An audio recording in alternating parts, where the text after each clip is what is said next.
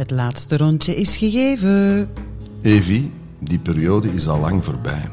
Nu de rode vlaggen neergehaald zijn en de roze olifant op stal, neem ik jou verder mee in mijn zoektocht naar een nuchter leven. Maar de kunst is nu om nuchter te blijven. Klopt. Je weet ondertussen wat we hier in mijn sober saloon serveren. Straffe getuigen, coaches, auteurs, acteurs, muzikanten, podcasters, tips en tricks, maar vooral verhalen van jou en mij. Je hoeft helemaal geen probleemdrinker te zijn om in dit Stopcast-programma te stappen. Alcoholalarm. Een podcast die dieper kijkt dan het glas.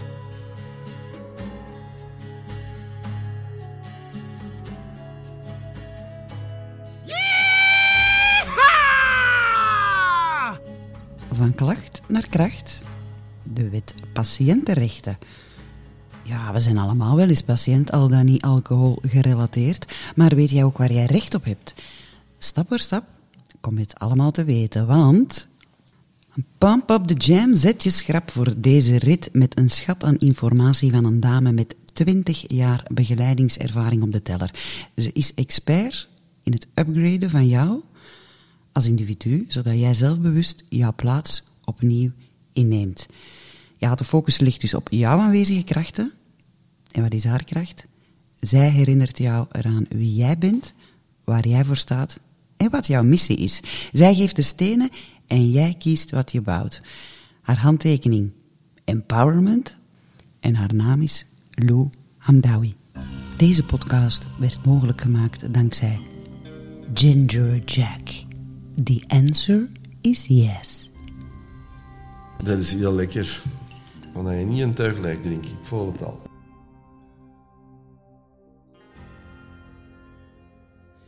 Dag Lou. Goedemorgen, Evi. Goedemorgen. Hoe is het? Ah, zalig. Je ziet er keigoed uit. Ja, dankjewel. Ja, dankjewel. ja. Zeg, drink dit. Wat heb je te bieden? Wat denkt je van een ginger jackje? Ja, ik wil dat proberen. Ja? Ja. Heb je al eens gedronken? Ginger Jack. Ik heb wel zoiets iets gemberachtig. Maar je hebt er Zo veel een verschil- concentraat. Ja, ja. Ehm, en dan moest je dat mengen met water. Ja. ja, dat kun je ook mengen met water, maar dat kun je, je kunt dat zelfs in je thee doen. Ah. Je kunt ervan met van alles mengen. Komt hier eens hier. Oké, ik ga het Chin, ik proberen. ben benieuwd wat je ervan vindt. Chin chin. Chin.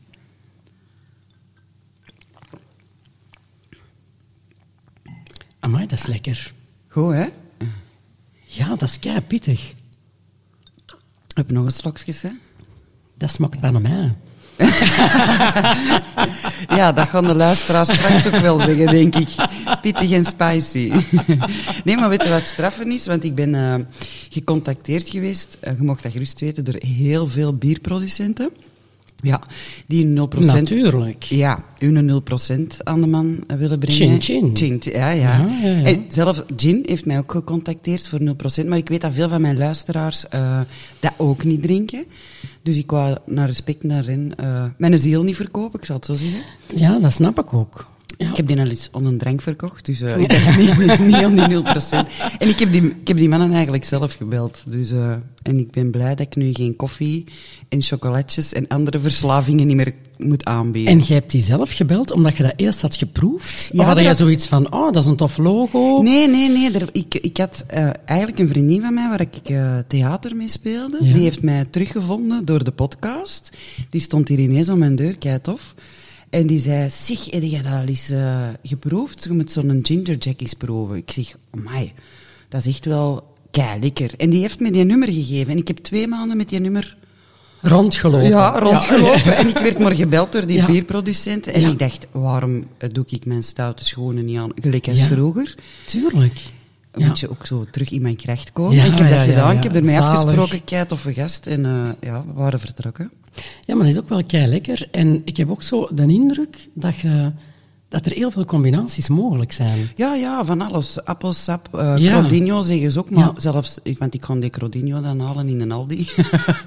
Ah, ja, is dat ook? Ja, ja dat, is, dat maakt juist zelf zo. Oh ja, tuurlijk. Ja, goed. Ja, Leven de Aldi? Ja, de Aldi of de Corruit. eh ik ga zo wat naar alle winkels. eh. Ja, ja, ja. ja. Nee, kei lekker. Ja. Kei lekker. En vooral zo dat, dat pittig. Nasmaakje zo. is ja. goed, hè? Ja. Allee, ik ben blij dat Daar verdoen we het. Daar verdoen we het. Ik zal dan verklappen. Je krijgt straks een fles mee naar Oh. huis. Maar goed, Yes.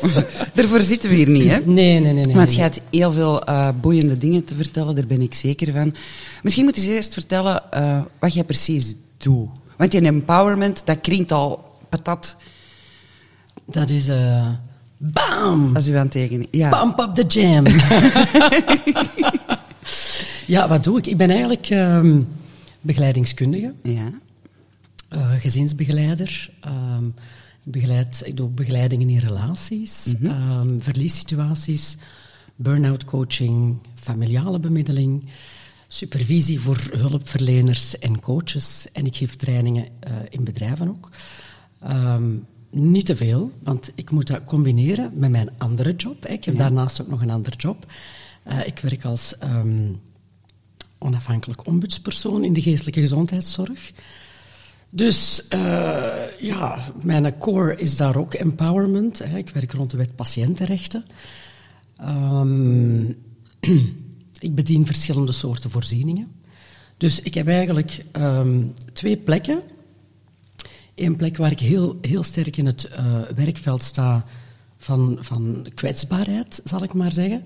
En de plek, mijn eigen plek, waar ik echt ja, met heel mijn hart, met mijn core, geloof in empowerment, de, de kracht van de mensen zelf. Hè, want ik ben er ook van overtuigd eh, dat wij in staat zijn om onszelf te helen. Hè, dat we niet voor alles eh, iemand nodig hebben, zoals Madonna, hè, een coach voor dit en een counselor voor dat en daar nog een psycholoog en nog een trainer en nog... Dat is allemaal niet nodig. Hè. We kunnen dat zelf. Eh, maar wij komen soms in situaties terecht dat we denken dat we dat niet meer kunnen overmand door emoties, ehm, ja, wegzakken in slechte gewoonten. Hè. Eh, zoals bijvoorbeeld een afhankelijkheidsproblematiek. Ehm, ja, de grote niet meer zien. Hè. Het overzicht. Ja, Kwijt maar, zijn. ja, het overzicht kwijt zijn, maar ook de, de, de impact niet meer zien van, van de, de gewoonte waar dat je in wegglijdt. Ja. Ehm, dus en wat doe ik eigenlijk? Ehm, ik ga de mensen eigenlijk terug laten kennismaken met zichzelf. Je er terug aan doen herinneren van wie ben jij? Wat is eigenlijk uw missie? Wat is uw blauwdruk? Dat vond ik zo'n schoon... Ja, wat is uw blauwdruk? Ja, Ja. Dat, dat is een woord dat ik vaak gebruik. Hè, dat mensen ook zeggen van, ja, zeg een blauwdruk. Nee, nee, maar, dat is de wel- kern, de waarde. Dat is wel Wie onze jij? kern. Wie zit jij? Ja. Ehm, en doorheen ons leven ja, komen wij, krijgen wij van alle zaken op ons pad. Eh, soms heftige live-events. Eh, niet iedereen heeft het geluk van op te groeien in een warm gezin. eh, of alle kansen te krijgen. Ehm, ja, je komt soms ook wel eens eh, foute mensen tegen. Ehm, niet iedereen is assertief genoeg en durft nee te zeggen, durft grenzen te stellen. Vaak laten mensen zich meeslepen, zelfs in de volwassen leeftijd. Eh, dus assertiviteit is ook iets, ehm, een, een, een heel belangrijke kern van waar ik mensen meegeef en, en aanleer. Dat is oefenen, oefenen, oefenen. Dus die empowerment staat bij mij echt wel centraal. Wat is er aanwezig in u? Wat kun je zelf? En wat kun je zelf met hulp? De dingen die je niet kunt, daar gaan we ons niet op focussen. Dat is, dat is 9 van de 10 ook niet belangrijk. Maar wat kun je zelf? Hoe gaan we dat aansterken? Hoe gaan we ervoor zorgen dat je er terug staat in het leven? Ehm, met heel je hebben en houden. En in de juiste omgeving. De omgeving Ook speelt een heel belangrijke rol. De omgeving die dat u stimuleert en de ruimte geeft om uzelf te kunnen zijn, om open te bloeien. En dat klinkt heel zweverig, maar ik ben alles behalve zweverig. Jij kent mij ondertussen. no shit. Zalig. Maar, maar dat is wel zo. Dus wij hebben heel veel in huis. En af en toe, ik ben dan een externe toetssteen. Heb je zo iemand nodig die u even zo door elkaar schudt, even alles ordenen en u teruglanceert. En dan zijn ze vertrokken. Ja. Ja. Knap. Ja, want dat aspect kende ik niet van u. Ik heb u leren kennen via... eh, Binnen een andere context. in een In, mijn, andere- an- in mijn andere job. in hè. uw andere job. Ja. En eh, ik was enorm eh, ja, gefascineerd. De passie, je, je straalt dat ook uit. Hè. Uw ogen, ver- ja, ik heb dat ook, mijn ogen verhalen. Ver- verhalen bij- is dat bij u ook? Verhalen niet altijd. En ehm, ik, ik was zo gefascineerd door wat jij deed. En ik vroeg mij af, dat traject, hoe ziet dat eruit? Allee, als mensen naar u komen, wat moet ik mij erbij voorstellen? Hoe ga jij, wat is uw aanpak precies? Als begeleidingskundige? Als begeleidingskundige. Ja, wanneer mensen bij mij komen, eh, ga ik in eerste instantie het kader schetsen waarbinnen dat ik werk. Namelijk, ehm, de mensen die bij mij komen, die mogen zijn. Die krijgen alle ruimte om gewoon te zijn. Die zijn toegelaten om alles te doen. Die mogen wenen, die mogen niks zeggen, die mogen liegen, die mogen lastig zijn, ehm, die mogen kritiek geven op mij, die mogen boos zijn. Dat gebeurt soms ook. Ik vind dat heel belangrijk. Dat is een veilige plek. Ik, ehm, ik creëer vooral veiligheid. En dan gaan we eigenlijk, ehm, wanneer dat de cliënt ermee akkoord gaat, uiteraard. Ik ga dan toelichten wie ik ben, wat ik doe, wat ik te bieden heb. En dan gaan wij in eerste instantie ehm, eigenlijk de huidige situatie van de cliënt in kaart brengen. Van, wat, wat doe jij vandaag? Wat is er aanwezig? Eh, ik ken u niet. En je kunt mij hier van alles komen vertellen. Dus ik ga u ook vragen om uzelf te monitoren. Dus ik ga ook een oefening meegeven in eerste instantie om, dat is een heel lastige oefening voor heel veel mensen, elk uur op te schrijven wat dat ze doen gedurende twee weken. Dat is En- heftig, pittig. Dat is heel pittig, Ja, ja. maar het fascinerende is dat mensen, dat is een, een klassieker, na de vierde dag zichzelf beginnen te corrigeren. Ja. Dus dan zie je zo niet meer vier uur Netflix. Ah, ja, zo, echt? Ja. Ah, ja, dat is wel goed. Dan zie je zo 50 minuten Netflix. Een boekje lezen. een wandeling. Schitterend. en dat is eigenlijk heel de oefening. Ja. Kijken naar uzelf. Wat doe ik eigenlijk? Terug orde creëren. Ja. Wat doe ik eigenlijk? Hè? Want ik claim dat ik geen tijd heb voor niks. Maar wat doe ik al die tijd? Ehm, of mensen bijvoorbeeld die zeggen van ja, ik heb eigenlijk geen centen voor hulpverlening. Eh, dat is allemaal zo duur en, en dat gaat niet. En, en dan gaan wij even in kaart brengen waar dat die allemaal spenderen. En hè, ook naar aanleiding van die monitoring. En dan zie je dat die bijvoorbeeld twee, drie keer per week op café gaan. Ja, en toch wel een aardig centje uitgeven. En dan denk ik, ja, als je dat optelt, dan zit het toch op het eind van de maand hè, 300 euro kwijt Ja. aan tourneekjes en drankjes. Wat is dan voor u belangrijk? Ja. Ja, want ik merk dat wel aan luisteraars. Sommigen hebben ook geen doel. Hè. Die zeggen, ja, ik stop met drinken bijvoorbeeld. Ja. Ik weet met mijn tijd geen blijf, want er komt heel veel ruimte en tijd vrij Ja. als je stopt met drinken. Ja. Omdat dat inderdaad ervoor op café gaan was, of soms nog. Ja. Maar die, ja, wat doe je dan als dat wegvalt? Ja, en Hè? dat is, dat is waar de mensen... Die, allee, ik, ik leer echt de mensen terug van nul een planning maken. Hoe ga ik mijn week gaan organiseren? Ja. Het allereerste is heel belangrijk, essentieel, altijd voor iedereen. Zorg dat je een heel goede ochtendroutine hebt en een avondroutine. En dat moet vast zijn. Ik geef nu een voorbeeld. Eh, je staat op. Eh, je, je bedenkt bijvoorbeeld eerst in je bed nog eh, van, van nee, drie dingen waarvoor dat je heel dankbaar bent. Ehm, dat klinkt raar, maar je gaat dan wel bepaalde delen in je hersenen activeren die je gaan dwingen om naar positieve dingen te kijken Ja. en versterkende zaken. Dus je gaat al op, met een bepaalde moed uit je bed. Ehm, je gaat mediteren of bewegen, een ijskoude douche nemen. Ik was mij alle dagen met ijskoud water. Oh, Ja, gewoon doen. Gewoon Ja. doen. Ik ben al eens een paar keer door de ijsberen ook uitgenomen, omdat ik zo aan een kou-scheiter ben. Ik Ja. geef het eerlijk toe. Die Ja. zeggen, je gaat nooit geen kou niet meer hebben. Je leert om geen kou... Dat is ook all in the mind, Ja. hè? Een ijskoude nu, douche. nu, ijsberen ik ga nu morgen niet. vroeg vervloeken als ik een, in een douche Ja, maar dus echt, ja, een ijskoude douche, twee minuten.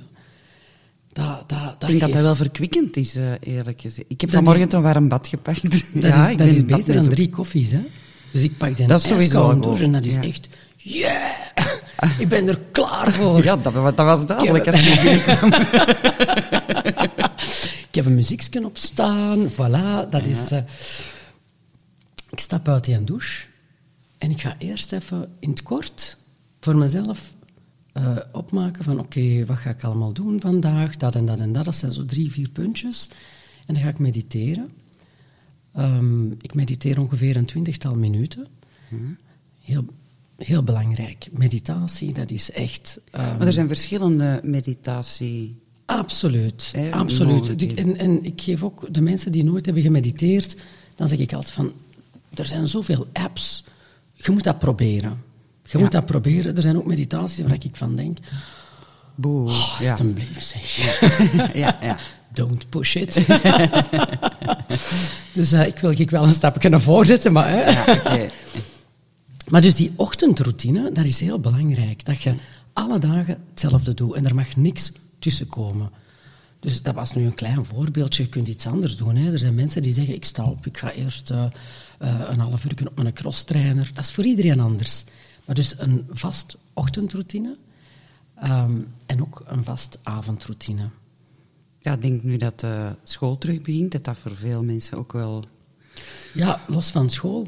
En, en waarom is dat belangrijk? Die ochtend- en die avondroutine, dat is eigenlijk al... Dat zijn twee puntjes die ervoor zorgen dat je al in, het gareel blijft. Ja, dat je wat structuur, Dat je ja. iets of Ja. wat structuur hebt. En dan kunnen nadenken over hoe wil ik mijn week inplannen. Ja. Ehm, ja, als je voltijds werkt, dan is een agenda al vrij snel gevuld. Ja. Ehm, maar er moet ook tijd zijn voor ontspanning, voor sport, voor familie, eh, vrienden, hè, tijd voor verbinding. En heel belangrijk, tijd voor verbinding met jezelf. Dus los van het feit dat je zegt, ik heb een vast ochtendroutine en avondroutine, er moet in die week plek zijn voor jezelf. Om terug te leren connecteren met jezelf. En in het begin is dat heel lastig, hè. En doe maar eens goed lastig en vloek er maar eens op. En wat moet ik doen? En nu kan niks. Maar dat moet je leren. Als je niet kunt samen zijn met jezelf, kun je niet verbinden met anderen. Dus dat is, dat is, een, ja, dat is wat ik eigenlijk van in het begin meegeef in de coachingtrajecten. ja. En maar uw coaching-trajecten, die zijn ook niet lang, heb ik begrepen. nee. Dat vind ik Nee, dat zijn maximaal acht sessies. Ja, waarom? magical eight. I love it. Maximaal acht sessies. Waarom? Omdat ik er ook in geloof dat je als mens ehm, zelf oplossingen kunt vinden. Je bent ook specialist van je eigen leven. Je kent jezelf ook het beste. Wie ben ik om te zeggen wat je moet doen? Ik kan alleen maar zeggen, dit zijn mogelijkheden en we gaan dat samen exploreren. En dan is het aan u om te zeggen, ah ja, dat past bij mij, dat past niet bij mij. Ik zou dat wel willen doen, maar misschien net iets anders. Hè? Ehm, elke mens heeft ook een totaal andere achtergrond, Ja, bril, ja. eh, idee, waardekader. Ehm, dus dat is wat er eigenlijk gebeurt. We gaan eigenlijk ehm, werken aan persoonlijk leiderschap. Dat is eigenlijk Uw eigen regisseur terug van uw film worden, Ja. eigenlijk. Ja. En dat werkt eigenlijk binnen elk thema. Of dat dan nu gaat over afhankelijkheidsproblematiek, of eh, problemen in de relatie, of in het gezin. Alles start bij orde scheppen en kijken, wat doe ik? Hè, en verantwoordelijkheid nemen voor uw handelen. Ja. ja, want je noemde er nog een paar op. Rouw, verlies is ook een. Ja, ja. Dat is inherent aan het leven. Hè. We hebben alle dagen te maken met verlies en, en rouw. En mensen denken, ja, maar er valt toch niet alle dagen iemand dood in uw omgeving. Maar dat gaat niet per se daarover. Hè. Ehm, dat kan gaan over eh, verlies van identiteit ook. Ja. Door omstandigheden. Verlies van een job, eh, een scheiding, eh, een kind. Van alles. Ja. Ehm, maar ook mensen die bijvoorbeeld ehm, gezondheidsproblemen krijgen. Eh, ik heb bijvoorbeeld ook een lange tijd mensen begeleid die eh, geamputeerd waren, die hun arm of een been ehm, moesten amputeren. Ehm, ja, wie ben je dan? ja, toen werd het even stil. Hè? Ja, Ik ben eh, heel hard aan zelfreflectie momenteel aan het doen. Zo van, ja, ik vind het echt heel boeiend, want ja, verlies, rouw, jezelf verliezen. Ik moet dan denken aan mijn burn-out, dat zo'n beetje allemaal terugkomt. dat is één Eén- rouwverhaal. Hè? Ja, Dat is, burn-out is één rouwverhaal. Hè. Dat start eigenlijk ook... Ja, de kern van burn-out is dat is eigenlijk een, een, niet enkel een energieprobleem, maar ook een identiteitsprobleem. Hè? Je komt op een punt en je zegt, ja, ik ben hier eigenlijk van alles aan het doen dat zo ver van mezelf staat. Je bent niet meer geconnecteerd met jezelf, laat staan met anderen. Dat is ook de reden waarom dat, ja, het depersonaliseren is een, een, een, eigenlijk een heel belangrijk deel van, van, uh, van burn-out. Um, dat komt omdat je dus zelf ook helemaal niet meer in contact bent met jezelf. Hè? Hm. Ik las laatst uh, ook een term burn-on of burn-in. Burn-in. Ja. Burn-in, ja, ik dacht... Toen ik dat voor de eerste keer las, zoveel tijd geleden, ja. had ik zoiets van... Allee, wat gaan ze nu nog uitvinden? ja. en, en de reden waarom ik dat zeg is... Um, op den duur voelen mensen zich ook gedwongen om zichzelf in een hokje te steken. Ja, je blijft... Zit ik in een in, ja. of een out, of ben ik dit, of is er dat mis met mij, of uh, welke etiket uh, uh, moet ik krijgen? Oei, ik pas nergens in. Nee, life happens. Ja. En we maken van alles mee. En elke keer wordt er een, een andere laag aangeraakt. Um, wij zitten niet in hokjes. Wij zitten samen in één groot hok. Met bijna 8 miljard mensen. Ja, voilà. Half november. Hè? Dan uh, zitten we aan 8 miljard. Hè? Ah, is het 8 miljard? Ja, ja 8 miljard. Weer die 8, jong. Ja, weer die 8. Hey. hey. Vies, hè? Dat zijn al drie achten vandaag. Hè? Ja. en dat komt elke keer terug. Ik weet hoe dat, dat komt. Het is zot, want inderdaad, zoals gezegd, ik ben zo die laagjes. Ik zie het ja. een beetje als een uiwoord, een beetje ja. uh, de, met metafoor. Die laagjes dat je pelt van je eigen. En dan zoek ik naar mezelf wat zijn zo ook mijn karaktertrekken? Niet van dat ticket van burn-out, burn-in. Nee, nee. Want ik had dat gevoel ook vlak voor zo van... Ik kon me er wel in vinden, hè, pas op, hè, in een burn-in. ja, ja. ja, want ik dacht echt zo van... Dat is een aanloop van de burn-out, hè, punt. Ik voelde het, ik voelde het. En ik was echt aan het wachten van, wanneer krijg ik hier mijn klop? Ja, dat het, wanneer komt de crash? En, ja, en ze zeiden altijd, je moet rusten. Maar ik durf niet gaan rusten, want ik wist de laatste keer, vijf jaar geleden, als ik zeg rust, heb ik zeven, acht weken zoveel gerust dat ik bijna kwijt ben. Door, ja, ja. Ja. ja, Dus ik ben wel zo die laagjes aan het pellen, maar wie ben ik? Welke trekjes heb ik? Ik kom nu ook de laatste tijd het obsessieve zo wat naar boven. Mhm. Mm -hmm. Zijn dat ook dingen, karaktertrekken, waar je mee aan de slag kunt bij u? Of, want dat hoort er dan uiteindelijk toch bij. Dat hoort er allemaal bij. Er komen eigenlijk... Uh, in heel dat verhaal van persoonlijk leiderschap komen er zoveel facetten aan te pas. Um, ik heb natuurlijk ook een, een brede achtergrond. Hè, dus Mhm. mm -hmm. ik, ik, uh, um, ik, ken wel wat van psychologie en psychopathologie. Understatement, hè. ja. ja. en persoonlijkheid. Anders zat hier niet met een sober En, en, en, en uh, het gaat er eigenlijk over dat het allemaal niet hoeft geproblematiseerd te worden, maar aangehaald daar waar nodig. Dus naar gelang het traject dat we lopen, zie ik dan ook van wat komt er heel erg op de voorgrond bij die persoon. Hè? Ja. Uh, maar het is niet dat we zeggen van, ah ja, we gaan een persoonlijkheidstest doen en dan gaan we dit nee, doen. Dat is niet en dan gaat de computer u vertellen nee. wie dat je zei en wat dat je lekker vindt en welke, welk dat uw lievelingskleur is. ik bedoel, dat, dat, gaan we niet doen.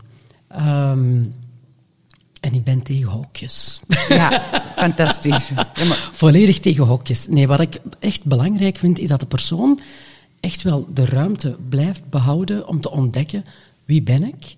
Um, ik ga wel die tools geven van hoe ga ik dat onderzoeken, hè? hoe kom je daartoe, um, maar ik ga dat niet zeggen. Nee, nee, Want wie ben ik ja. om dat te zeggen? Dat zou, dat zou echt wel absurd zijn. Ja. Dus um, een, een, tweede belangrijk punt, hè, want je hebt gezegd van wat, wat, wat doe je zoal uh, tijdens dat traject, en daar raad ik ook iedereen aan, van maak eens een tijdlijn. Maak een tijdlijn van uw leven.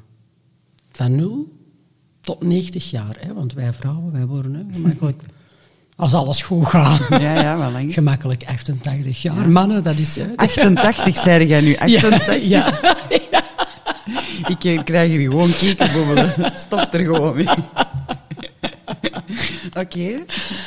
Hey, maar je maakt een tijdlijn en ga een keer kijken van oké, okay, waar sta ik vandaag? Hè? Hoe oud ben ik? Mhm. Mm -hmm. um, wat zijn, wat zijn de highlights geweest in mijn leven? Dat je dan een keer uh, met groen of, of met blauw kunt, kunt uh, aanvinken. Van ah, toen en toen. Ja. Zo de, de, de fantastische momenten in je leven. Maar ook de dieptes. Hè? Wanneer, wanneer heb je echt wel... Wanneer zijn je tegen de paal gelopen of tegen de vlakte gegaan? Uh, de meest pijnlijke momenten eigenlijk. En dan ga je ook een keer zien van hoe lang loopt het al mis, of lastig, of moeilijk. En vanaf het moment dat je dat, dat, dat, dat, dat visueel wordt, als je dat ziet, dan pas beginnen mensen vaak na te denken van oei, hoe ga ik dan die komende 40 jaar invullen? Want ik moet werken tot mijn 67ste. Oei, oei, oei. Ik was het al imaginair een beetje zo aan het voorstellen. En ik zit zo echt, als je, zoals jij het zegt, op de 88. Ik zit in de Ja. helft, hè. Dat is wel Ja, tuurlijk. confronterend, hè. Ja. Ja. Allee, dat daar was ik mezelf ook al wel van bewust. Zo van, je zit zo op een tweesprong dan, denk ik, in je leven. Van welke richting ga ik uit? Ja. Ik begin over...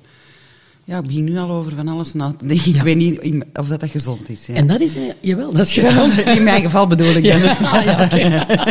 Dus moet met twee woorden spreken. hè. En dat is eigenlijk dan de kracht van eh, coachen met empowerment, Ja. dat het gefocust is op de toekomst. Ja, Hoe gaan we de toekomst aanpakken? ja. En niet gaan blijven graven en marineren in al wat dat is fout gelopen en nog Ja. eens analyseren en overanalyseren. Ik wil dat doen, maar je gaat heel veel geld kwijt zijn. Ja, ja, ja. en je komt geen meter vooruit. Nee. Het is, wat ik wel zal doen, is toelichting geven bij bepaalde zaken. Zoveel mogelijk ook proberen te normaliseren. Hè, want mensen hebben heel vaak het gevoel van...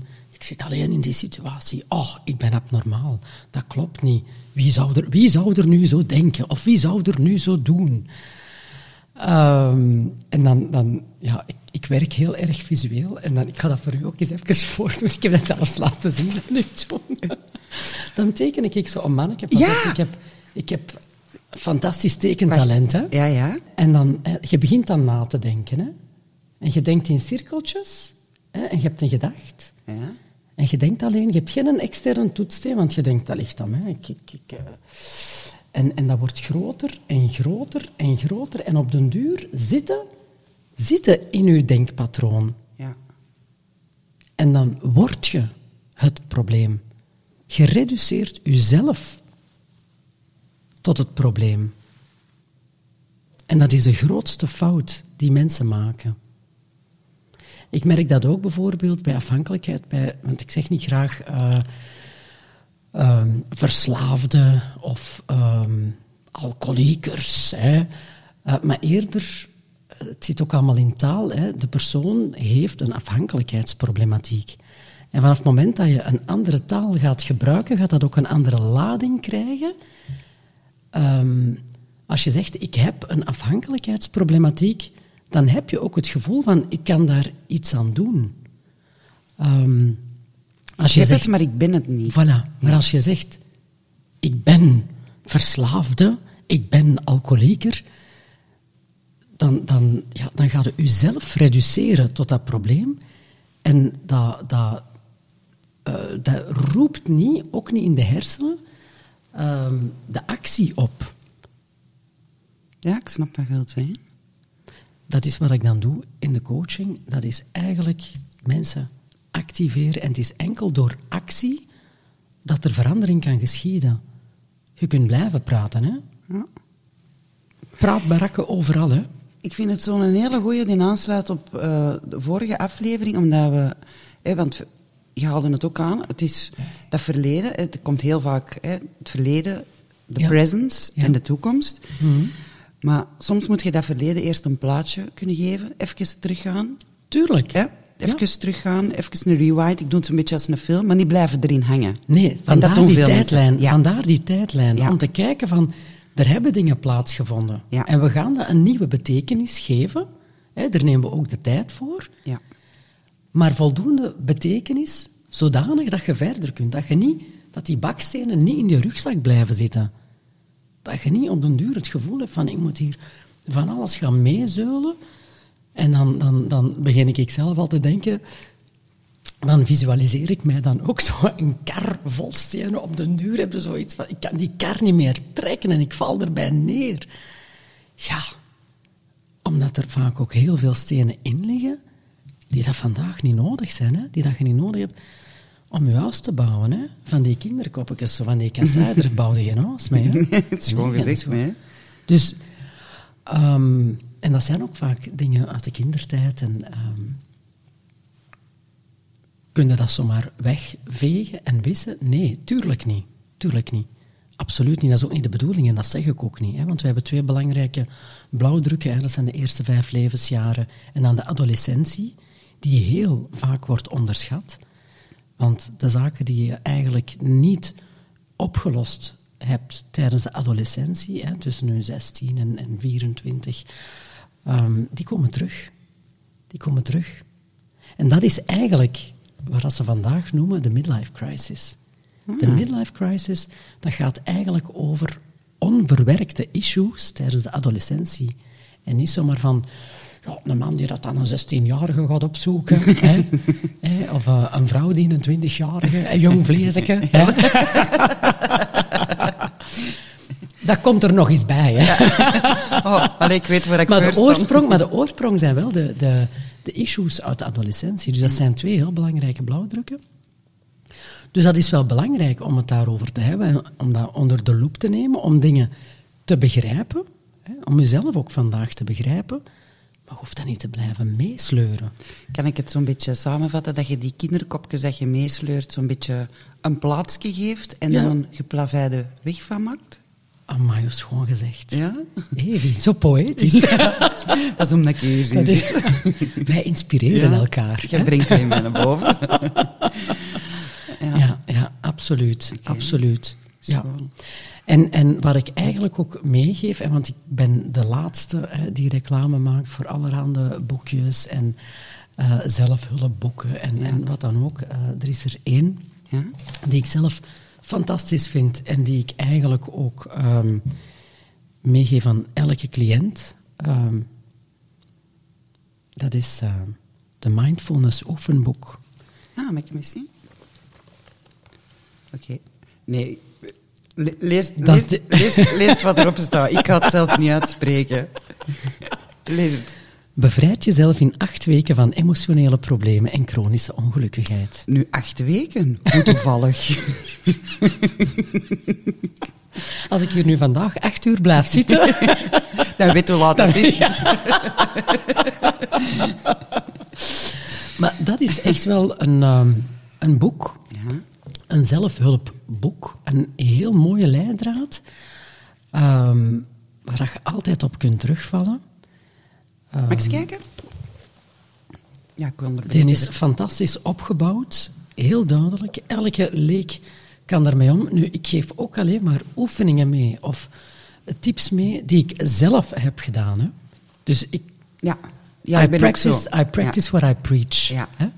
Ehm, nu, niet alle zaken, niet, niet, niet alle tips die ik meegeef werken voor iedereen. Hè, maar dit is nu eens een, een zelfhulpboek waar ik van zeg... Ja, zeker 85% van mijn cliënten hebben gezegd... Lou, fantastisch. Ja. Eh, zo die meditatie, ik ben er zelf... Ik zeg altijd, ik, ik moet dat doen, ik kom er niet toe, maar ik ga het proberen. Hè. Ik neem altijd de tips mee van mijn Ja. coach, maar ik neem zo aan, zo, een man, een bedrijfsleider, die komt bij u en die zegt, "Oh, meditatie, dat is niks voor mij. Dan zeg ik, ja, dat is goed. Wat doen ze daarmee? Dan zeg ik, ja, dat is goed. En de volgende keer zegt hij, ja, en ik zit nog altijd met deze. Nee, ja, heb je al proberen te mediteren? Nee, want dat is niks voor mij. Hey, want Heb ze je komt dat er al wel te- heb dat al eens geprobeerd? Ja. Nee, ja, wat is dat dan? Maar die hebben dan ook een bepaald idee over meditatie. Hè? Dat je zo een wit lang gewaad moet aandoen of zo. En wierook moet branden. En een zonnedans of zo. Eh, nee, dat is niet. Hè? Dat kun je in je stoel doen. Dat kun je op je bed doen. Dat is Er gelijk reiki, hè? er, Reiki? er, zijn, er zijn mensen die zeggen, ik wil gewoon op mijn yogamat liggen. Maar wat er eigenlijk gebeurt in meditatie, is dat je gaat ademen in de eerste plaats. Focussen op je ademhaling. Focussen op het moment waar je in zit. Hier en nu. En op een heel eenvoudige manier gaan kijken naar jezelf. Oordeelvrij observeren. En gewoon ademen. En ik zeg dan tegen de mensen van, je moet u indenken dat er een drone hè, rondom u vliegt. En wat ziet je dan, die een drone? En dan kun je eens kijken naar jezelf. Ah ja, ik lig hier op de grond, met mijn knieën in de lucht. Ik voel mijn voeten, mijn tenen. Ja, ah, ik heb wel een kramp in mijn kleine teen. Ah, Oké, we gaan verder. Dus gewoon oordeelvrij observeren. Kijken van, wa- wa- wat zit er hier vast? Wat zit er los? Ehm, wat doe ik daar dan mee? Wat ga ik doen met die plekjes die wat wringen? We zijn al helemaal in onze meditatiezone, denk ik. Wat maakt dat die plekjes wringen? Hè? Mensen die zeggen van, oh, ik heb maagkrampen. Ik heb veel last van mijn maag. Maar ga eens mediteren. Wanneer is dat begonnen? Luisteren naar je lichaam, echt. Ja. Ook. Ja. Ja. En dan ga je connecteren met jezelf. Alleen al die ademhaling is voor veel mensen moeilijk. Hè? De buikademhaling. eh, Dat is straf dat je, er, dat, je dat aanhaalt, want eh, de volgende aflevering komt, eh, ik weet niet of je ze kent, Vele, Vele Dobbelaren. Ehm, Die heeft een ademacademie. Ja, Dus we gaan, de volgende stap zijn... fantastisch. Ja, dat, mijn volgorde is helemaal veranderd trouwens, moest het nog niet Maar het weten. klopt wel, hè? Ja, ja, het voelde me ook zo aan. Ik heb Ja. hè, vorige week Ja. nog een hele grote stap gezet, en, maar het is zo'n buikgevoel dat ik volg. En Ja. eh, dat is prachtig dat je dat nu eigenlijk zegt. Ja.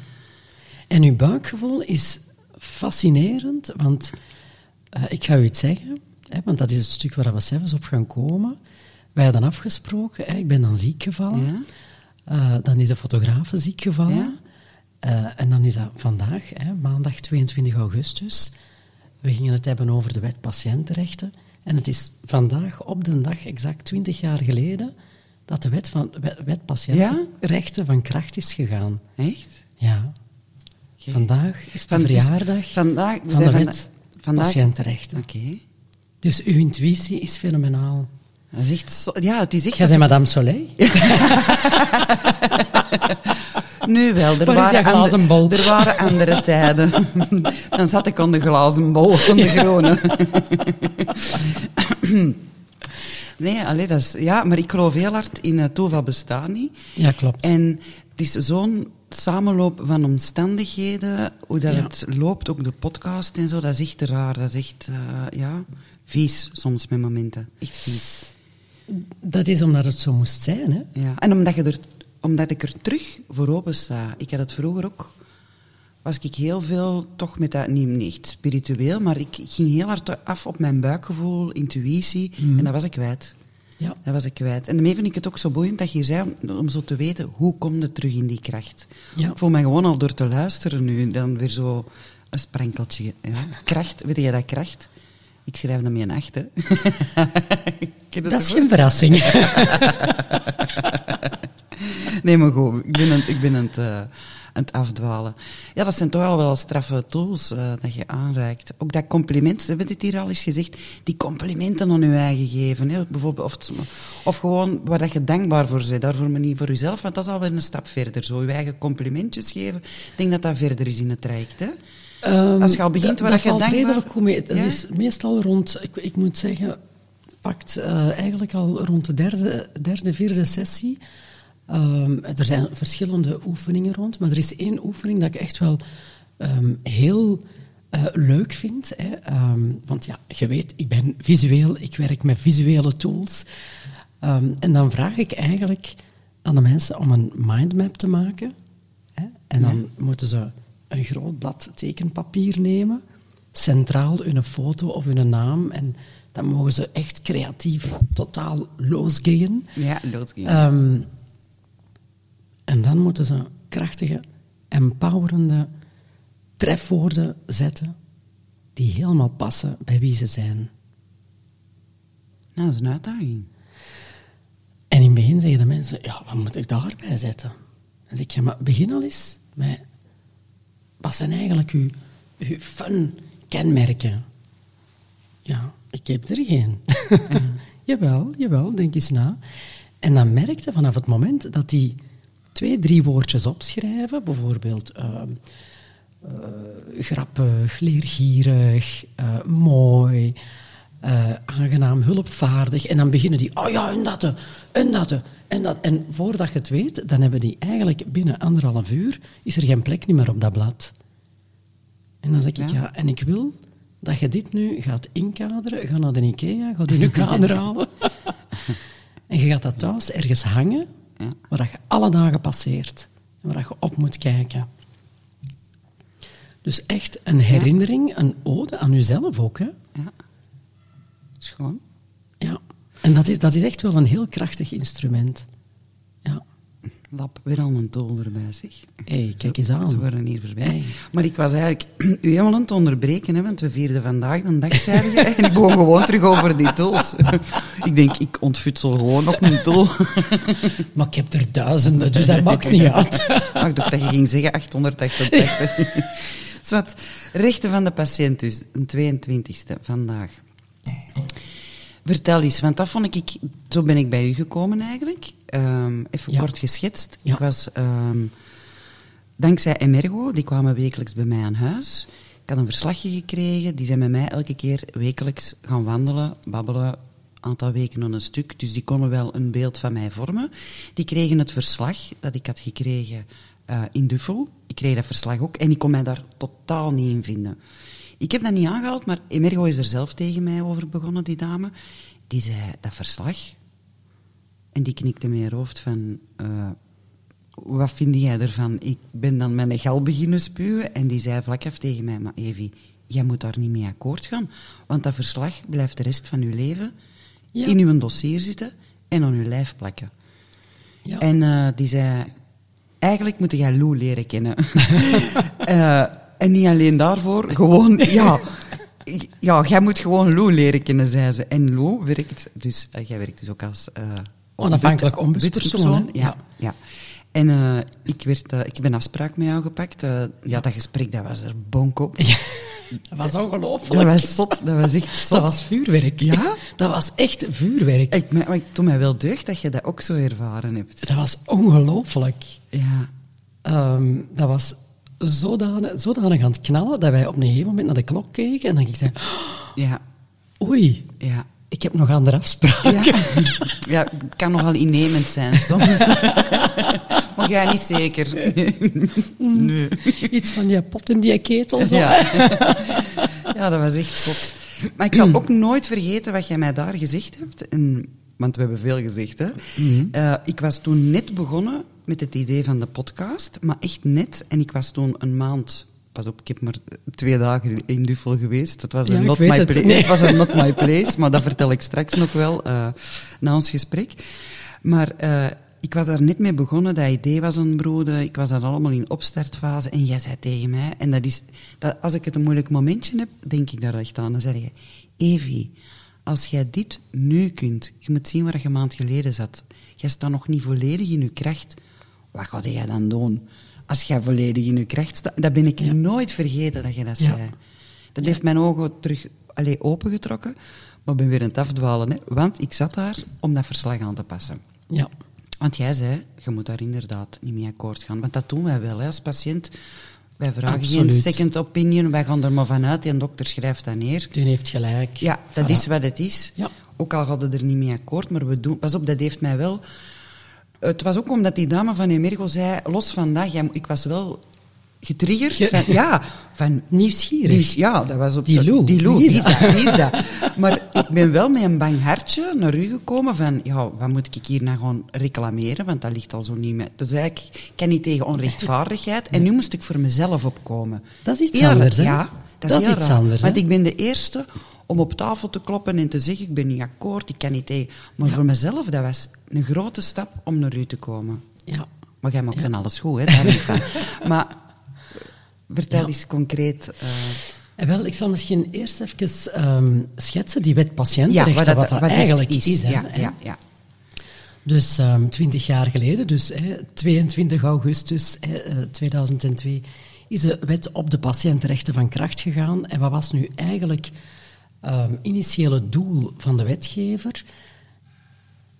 Empowerend bedoeld dus, Ja. om de patiënt bij te staan, eigenlijk, ehm, om de patiënt krachtiger te maken in zijn positie, om in een evenwaardige dialoog met de beroepsbeoefenaar hè, tot een sterkere, eh, meer verbindende zorgrelatie te komen. Ehm, dat is eigenlijk een, een verbindend instrument, hè, zowel voor beroepsbeoefenaars als voor patiënten. Voor beroepsbeoefenaars is dat een instrument om alert te blijven, van dat, dit zijn toch wel een aantal zaken hè, waar ik rekening mee moet houden, hè, dat zij eigenlijk ook wel alert blijven in hun functie. Maar voor de patiënt ook wel belangrijke punten van, oh ik heb daar recht op, ik heb daar recht op. En dit is ook wel belangrijk. En ja, ik mag eigenlijk ook wel dat en dat en dat claimen. We gaan direct die wet patiëntenrechten samen overlopen. Maar dat is dus eigenlijk om de patiënt meer in zijn kracht te zetten. Nu, wat ons wel frappeert na twintig jaar, Evi, is dat heel veel mensen totaal niet op de hoogte zijn van de wet Ik patiëntenrechten. had er nog nooit van gehoord. Nee. Eerlijk, ik was eh, Ja. blij ook om het te delen met anderen. Van, ik hoor soms ook verhalen van, oh, dat ging helemaal niet. Ik kreeg er dan eh, eh, een uitslag van mijn eh, onderzoek of weet ik wat, en ik kan me er niet in vinden. Dat gaat veel verder dan alleen, ik ben niet akkoord met een verslag. Hè. Dat gaat ook over second opinion. Hè? Misschien We gaan direct Ah, overlopen. Ik ben al te Dat rap, is ik ben het- nee, nee, nee, maar dat is goed. Nee, nee, nee, maar dat is goed. Dat is uw ervaring. Hè. Ja, ja en ik, ervaring. daarmee vond ik het zo interessant om ook met anderen te... Iedereen valt uit de lucht. Ik heb nog nooit iemand die zei, oh, ik ken dat. Nee, nee. Ja, ik ken dat natuurlijk vanuit mijn studie. Tuurlijk, tuurlijk, tuurlijk. Maar vooraleer dat ik dat was tegengekomen in mijn studie, ken ik ook niet Maar dat wordt toch, toch niet echt onder de... Eigenlijk zou het vandaag zo op nieuws moeten zijn van... Vandaag is het... Hè, maar het is zo de dag, Werelddierendag. Hè, het is Ja. altijd wel een dag, maar Ja. daar wordt nooit niks over gezegd. Hè. Nee, maar jij wel, hè, Evi? Jij hebt ervoor heb- gezorgd. ik Uw heb- intuïtie heeft ervoor gezorgd. Hè, dat we dat vandaag... Ja. dat we dat vandaag bespreken en kenbaar maken, extra kenbaar maken. Ehm, ik denk dat het goed is om dat eens even te, te overlopen. Ehm, wat dat wel belangrijk is om te weten, is die wet patiëntenrechten, die is overal in België van toepassing. Dat wil zeggen in de algemene somatische zorg, hè, zoals dat ze dat zeggen, en de geestelijke gezondheidszorg. Somatische wijze. Dat, dat gaat dan over de lichamelijke zorg Ah, in de algemene Ja, sorry, ziekenhuizen. Hè, In de algemene ziekenhuizen. Ehm, dus dat is overal van toepassing. Ja. Niet enkel in de ziekenhuizen. En dat is waar mensen... Ja, mensen weten dat ook niet, omdat er ook weer weinig over wordt geëtaleerd. Eh, dat is ook van toepassing voor psychologen, voor psychotherapeuten, voor tandartsen, voor kinesisten, voor verpleegkundigen, voor vroedvrouwen. Ehm, Voor alles wat met... iedereen die in aanmerking komt met een patiënt in een zorgrelatie.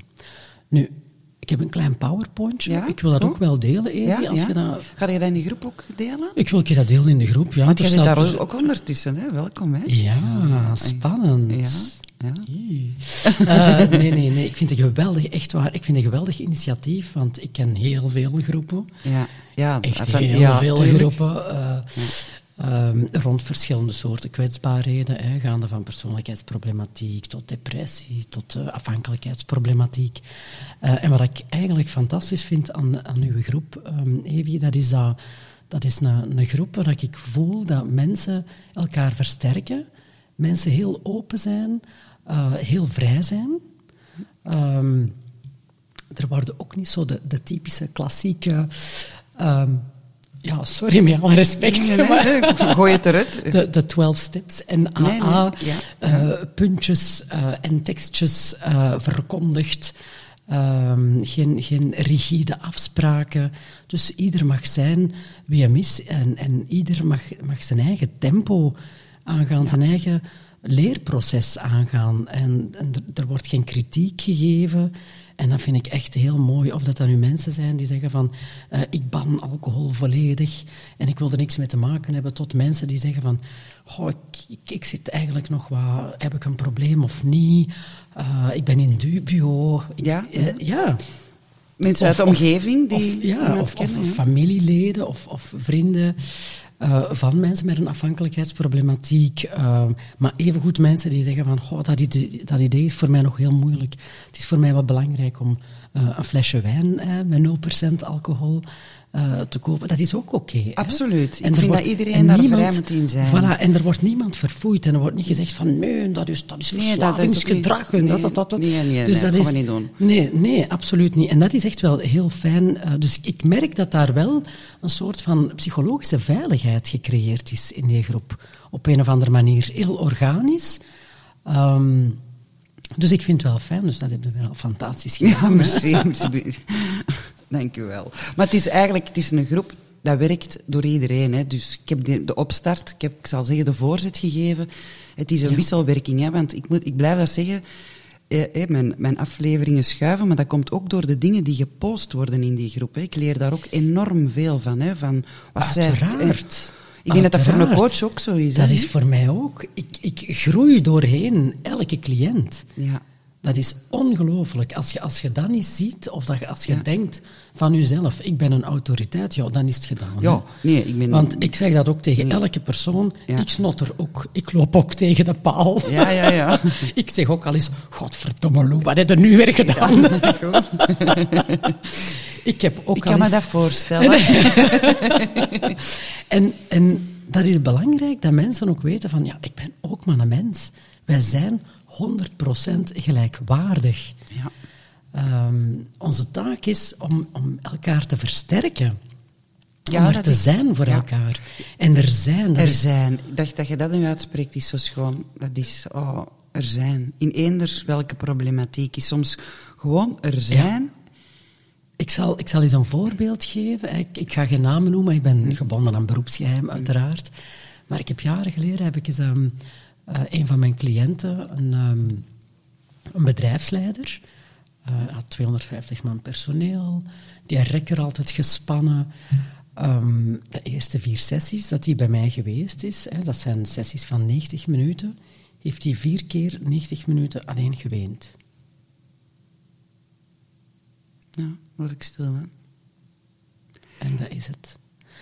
Is dat En dan niet moeilijk voor u als coach? Want je wilt toch iemand helpen? Ah nee, want je zegt ook daar gewoon ruimte, zijn. er gewoon zijn. Ja.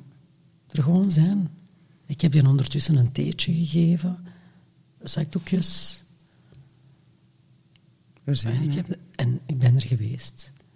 En die man heeft dat enorm geapprecieerd. Dat hij vier keer 90 minuten gewoon heeft is goed mogen doorwenen.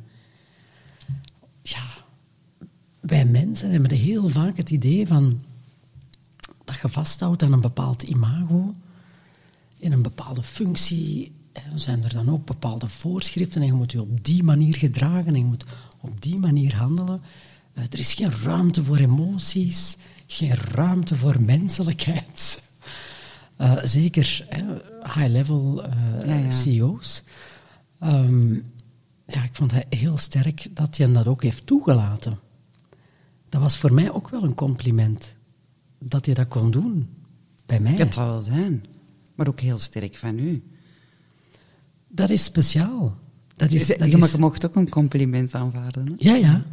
ja, maar dat is speciaal. Ik vond dat, ik vond dat, dat is mijn beleving. Ja.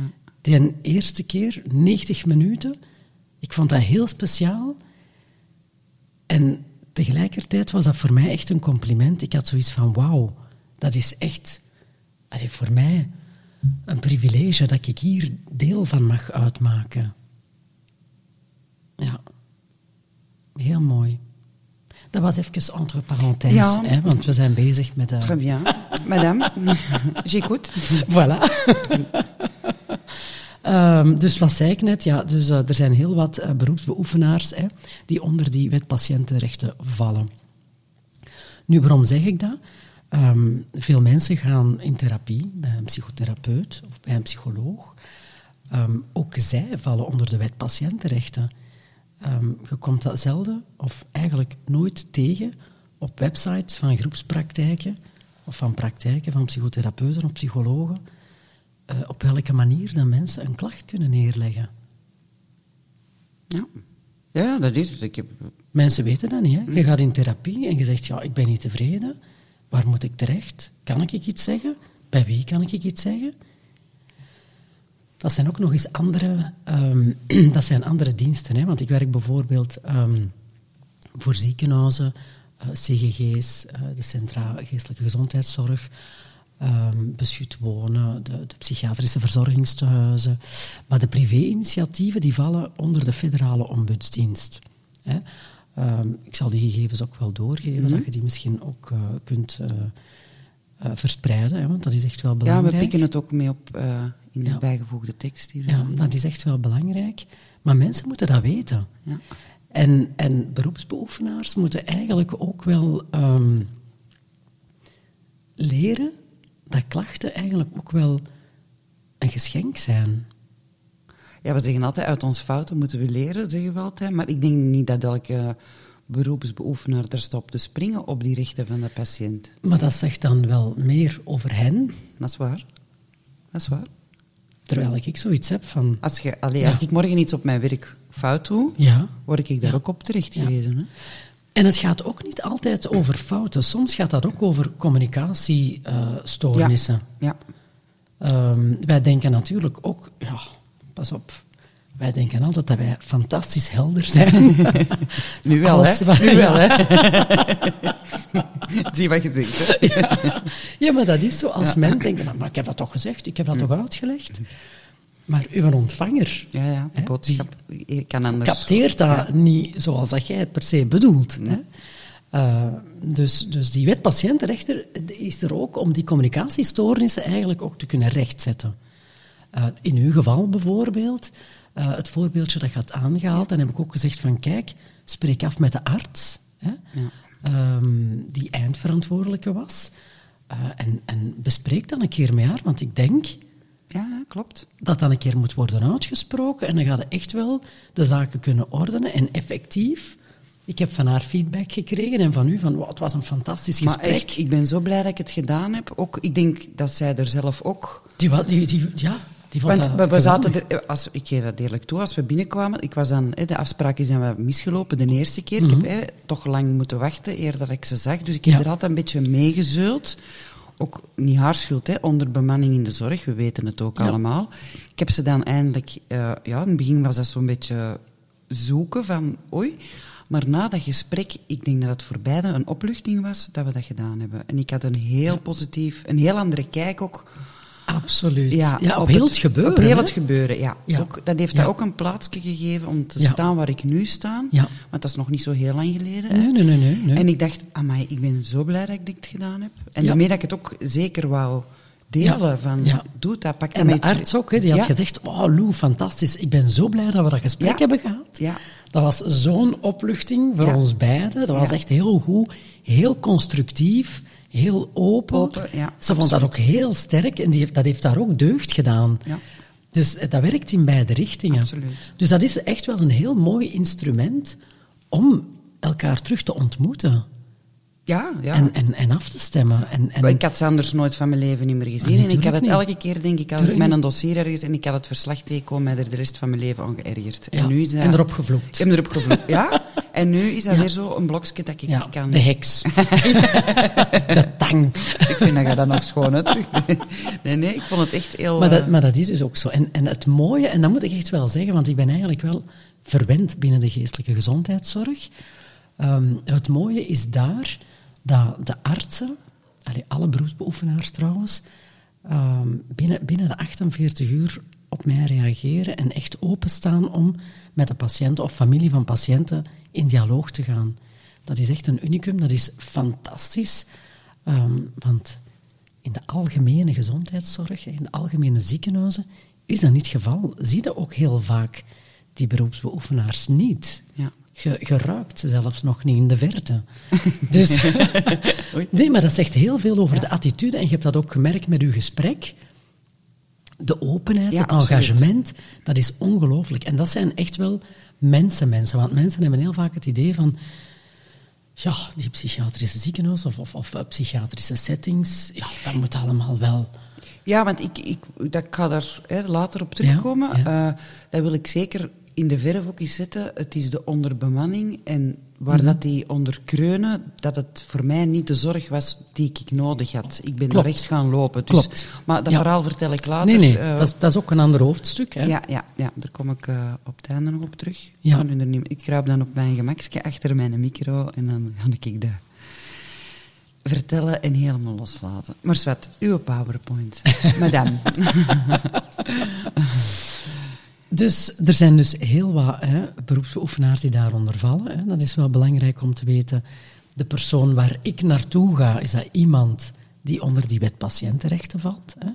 Als, als Kan je, daar al, kan je daar al uit afleiden of iemand eh, officieel een beroepsbeoefener... Want er- soms rijden er ook als paddenstoelen uit de grond. eh, Snap je waar ik Er is een heel groot verschil. Ja, dan gaat het over de erkenningen. Hè? De Ja. erkenningen van Ja. de psychotherapeuten Ja. bijvoorbeeld. Hè? Dat is heel duidelijk. Hè? Want die, moeten, die zijn verbonden aan een beroepsvereniging. Hè? Die, die hebben ook eh, erkenningsnummers. Hè? Niet iedereen is zomaar psychotherapeut. Hè? Dus je moet ehm, minimaal een bachelor in de menswetenschappen hebben. En daarnaast ook een, eh, een vierjarige opleiding psychotherapie. Ja. Dus die combinatie moet je hebben vooraleer dat je officieel therapie mag geven.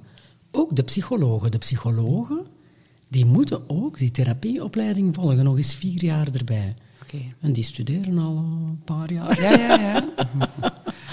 Nu toch zes jaar, hè, met dat stagejaar dat er is bijgekomen.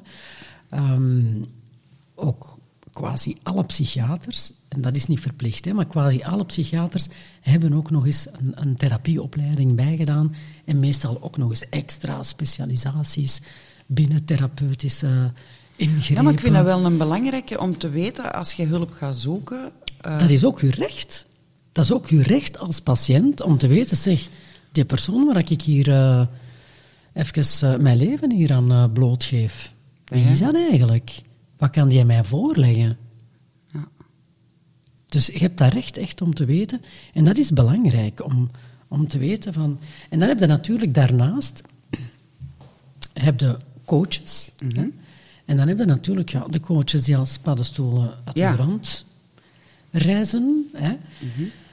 En dan heb je natuurlijk een, een coach. Hè. Je hebt bijvoorbeeld ook psychologen die coach zijn. En dat is belangrijk om te weten wat is de achtergrond van die coach. En dat is uw recht als cliënt om dat te vragen. Wat is uw achtergrond? Wat heb jij gestudeerd en hoe lang? Wat is uw ervaring? Hoeveel cliënten heb je zo al geholpen? Ehm, Maar ik denk dat weinig mensen dat doen. Hè. niemand doet dat. Nee, ik zeggen. Ik vertel dat uit mijn eigen. En dan zeggen de mensen, oh, ja, ja, oké. Nee, maar ik vind dat... Ik vind dat ik Maar ik vind, ik dat heel belangrijk. Omdat dat, mijn cliënten moeten ook weten dat ik ook een supervisor heb. Dat is belangrijk om de kwaliteit te bewaken van mijn sessies. Wat doe ik? Ik moet er ook over reflecteren. Soms krijg je bepaalde thema's op je weg dat je zegt, wow, hier word ik even als hulpverlener zelf door elkaar geschud. Wow, wat doet dat hier met mij? Dan moet ik toch even met mijn supervisor eh, Ja. een keer afstemmen. Ben ik nog oké genoeg om die persoon verder te helpen of moet ik die doorverwijzen? Ja. Dus dat is wel belangrijk dat je als hulpverlener ook heel goed weet wat is mijn positie, wat is de verantwoordelijkheid die ik draag, eh, wat maak ik kenbaar, Ehm, ben ik oké om met deze materie om te gaan. Ehm, dus als cliënt is het belangrijk dat je weet, ja, de, de, hulpverlener waar ik naartoe ga, of dat een psycholoog is of een, een psychotherapeut of een coach, is dat iemand die voldoende intervisie volgt? Is dat iemand die supervisie krijgt? Hè? Want dat is nog iets anders. Dan ga je eigenlijk als hulpverlener reflecteren over je eigen handelen binnen de zorgrelatie, de therapeutische relatie. Dat is wel belangrijk als cliënt om dat te weten.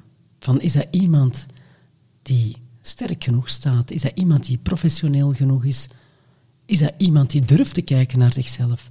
Is dat iemand die tijdens een gesprek ook een stukje van zichzelf durft te laten zien? Natuurlijk als meerwaarde. Uiteraard. Ja. Hè? Nee, om zelf te beginnen klagen. Nee, als je ja, ja, ik heb dat ook meegemaakt. Boehoehoe. Dat, is, dat zou niet professioneel zijn. Maar dat is wel belangrijk. En dat geeft eigenlijk ook aan dat, dat je de kwaliteit echt wel bewaakt. eh, en dat je ook sterk in je schoenen staat. En dat je wel een vangnet hebt. En voor jezelf, maar ook voor de cliënt. Dus als het dan gaat over ehm, de wet patiëntenrechten. Ik kan het ook niet te lang trekken, hè, want we gaan hier niet te theoretisch. Nee, nee, nee, maar wel, ik zou dat wel willen overlopen. Dat mensen weten, Ja. Die, die wet op de patiëntenrechten, wat is dat nu eigenlijk? Wat, wat zijn dan mijn rechten? Ja? Hè? Ehm, het allereerste, dat is dat je als patiënt of cliënt recht hebt, recht hebt op een kwaliteitsvolle dienstverlening. Oké, dat is heel breed. hè? Wat is dat? Een kwaliteitsvolle dienstverlening. Hè? Dat gaat over verschillende aspecten. Dat kan gaan over respectvolle bejegening. Hoe word ik behandeld? Hoe word ik benaderd? Uh, dat gaat over uh, luisterbereidheid, grensoverschrijdend gedrag, um, de correcte omgangsvormen ook. Hè? Zijn ze beleefd? Elementaire beleefdheidsvormen. Ik zie u zo ja knikken, maar dat is niet evident. Hè? Hoe vaak gebeurt dat niet dat je ergens binnenkomt en dat ze u zelfs nog niet bekijken? Ja, nee, nee, dat gebeurt mij. dat gebeurt mij. Ja, nu, ik heb dat ook nog niet mee. nee, ik snap wat je wilt zeggen. Maar nee, ik kan mij er ook aan maar ergeren. Als er zijn echt wel plaatsen waar je komt en dat je zegt van... Leeft hij? Is hij aan het werken? Leeft hij? Je zit hier wel. Is dat decor? ja, ja. ja, maar dat is waar. Um, dat gaat ook over een goede behandeling. Hè. Um, zowel over uh, de, de, lichamelijke verzorging, de somatische verzorging, uh, maar ook de beschikbaarheid. Zoals dat je zegt van, ja, als er een tekort is, ja, dan schiet er ook tekort in de zorg en dan bieden geen kwaliteit. En daar heb je recht op. Um, dat gaat ook over een kwaliteitsvol verblijf. En mensen die bijvoorbeeld residentieel worden opgenomen, dat die zeggen van, ja, is die kamer groot genoeg? En ik zie u kijken, maar er zijn wel voorschriften van hoe groot dat een kamer minimaal moet zijn. Um, hier en daar zijn er nog oude ziekenhuizen. Um, in het Antwerpse denk ik niet meer. De meeste zijn aangepast, die kamers. Maar er zijn wel ergens in de Vlaanders nog wel wat ziekenhuizen. Ja, ja. Maar dat de kamers toch nog niet optimaal zijn of net iets te klein. Um, maar er wordt wel volop aan gewerkt. Hè, want okay. uh, ik, moet ik, moet zeggen, er, er, zijn echt wel heel veel um, inspecties. Hè. Ziekenhuizen kunnen zich echt niet meer veroorloven om, om, allez, om dat links te laten en, en geen aandacht aan te besteden. Um, dat gaat ook over uh, hotelservice, de voeding. Ja, maar wel, ja. ja. Maar dat is ook belangrijk. Ja. Nu moet ik zeggen, wat betreft de voeding, daar mag nog wel aan gewerkt worden. Hè.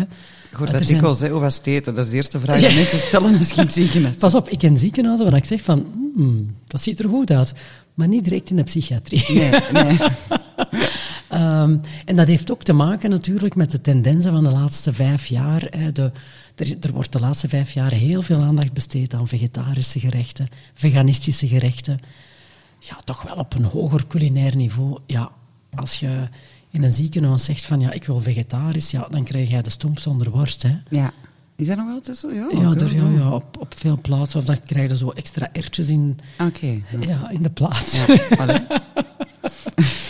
dus er zijn plaatsen waar het redelijk meevalt, maar...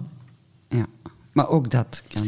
Maar ook dat, dat kan uh, inderdaad. Daar heb je recht op, hè. Daar mogen je dus over klagen, hè. Ja, maar uiteindelijk, je betaalt toch ook wel... Absoluut, absoluut. Een hoge prijs. Ja, ja, en dat je zegt van, ja, ik wil wel voldoende variatie ook. Ja. Ik wil niet alle dagen die stomp zonder worst. Hè? Een boterham met kaas, ja, ja, maar dat is ja, ja, absoluut. En zeker, hè, want dat is nu dat is wel speciaal, want mensen met een afhankelijkheidsproblematiek um, zijn ook zeer oraal gericht. En absoluut. dat zijn ook de groepen die het meeste klagen over de voeding. Ja, ja, het is dus wij weten, als het gaat over voeding, dan weten wij, ah ja, dat is die afdeling. Dat. Ja, ja, echt, ja, maar, maar dat is al, zo. Dat is het, het is iets naar uw mond brengen, dat is gelijk roken, voilà. eten, voilà. alles. Ik voilà. voel het verschuiven zo constant. Ja, ja, dat ja, is iets naar uw mond brengen, dat is echt waar. En dan denk ik, ja, voor die doelgroep, dan moet al eens een effort doen. Vind hè? ik wel. Ik vind dat wel. Die doen ook een effort. Alsjeblieft. Dat is gesproken. chin chin. Met een ginger jack. Ja, hè, ja, ik ook.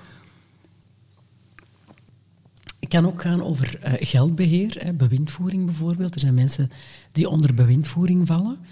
Um, binnen de verslavingszorg in de ziekenhuizen komt dat heel vaak voor, dat mensen onder bewindvoering vallen, dat, ze, dat hun geld wordt beheerd hè, door een derde.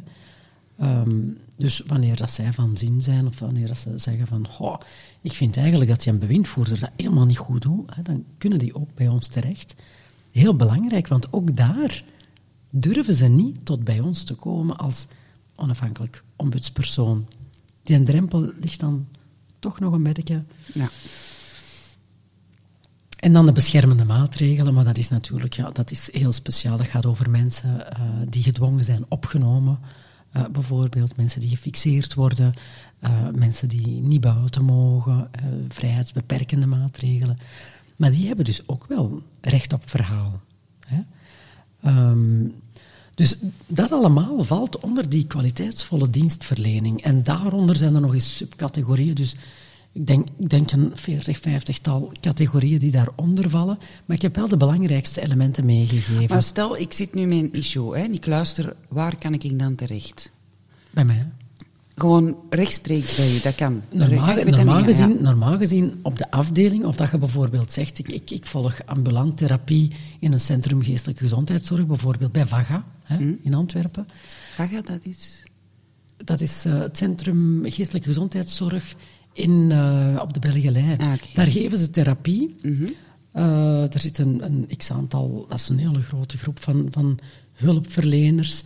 Uh, en die geven ook wel uh, laagdrempelige therapie voor mensen die ook zeggen van ik heb het niet breed.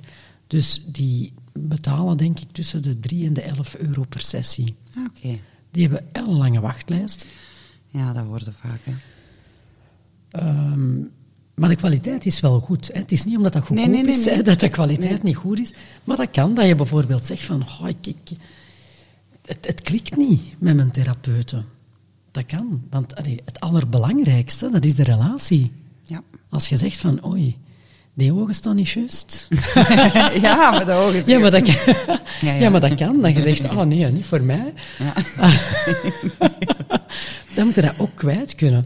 Ja, um, ja het is wel wat zoeken, hè, want ik heb uh, voor dat ik mijn rock bottom moment gehad heb, na mijn burn-out, heb ik een, uh, bij de psycholoog gegaan, psychotherapeut, denk ik, ja. En ja, ik, ik kon ook niet vergelijken, weet je wel. En ik heb dat eigenlijk uitgedaan. Ja. Dat was oké. Okay. Mm -hmm. Maar ik voelde al uh, de laatste twee jaar dat terugsluimeren. Dus ik, ben, ik heb terug de stappen ondernomen om... En ik heb nu bij iemand anders gegaan, ja, dan voelde wel dat verschil natuurlijk. En Absoluut. nu, waar ik nu ga, en met een Dirk, daar voel ik mij... Ja, ja dat, is, dat is dag en nacht... Niet dat die ander niet oké okay was, hè, maar je nee, moet nee. ook die feeling hebben. Hè, dat is die klik, hè? Dat is die klik. Dat is het allerbelangrijkste. Ja. En ik zeg dat ook tegen elke cliënt die bij mij komt, want ik, ik, ik weet dat ook van mijn eigen. Ik ben pump up the jam. hè? Ik ben ook heel direct. Uh, ik ga niet... Allez, ik leg er geen... geen geen eieren onder. Hè, en ik, ik, zou het ook zonde, geven, zonde vinden van een tijd hè, voor de cliënt.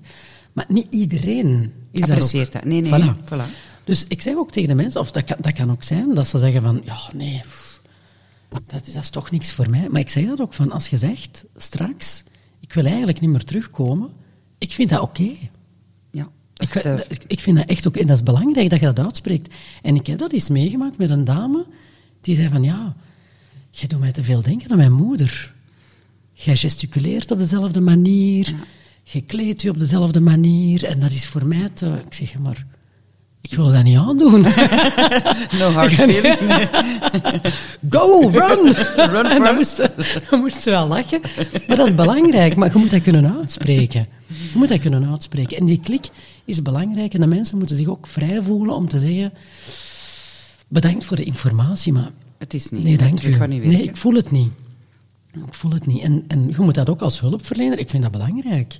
Dan zeg je, natuurlijk. Maar ik vind dat ook wel een interessante tool, want hè, mensen die al op zoek zijn naar hulp, zijn nog niet zo krachtig, maar weten dat ze dat kunnen.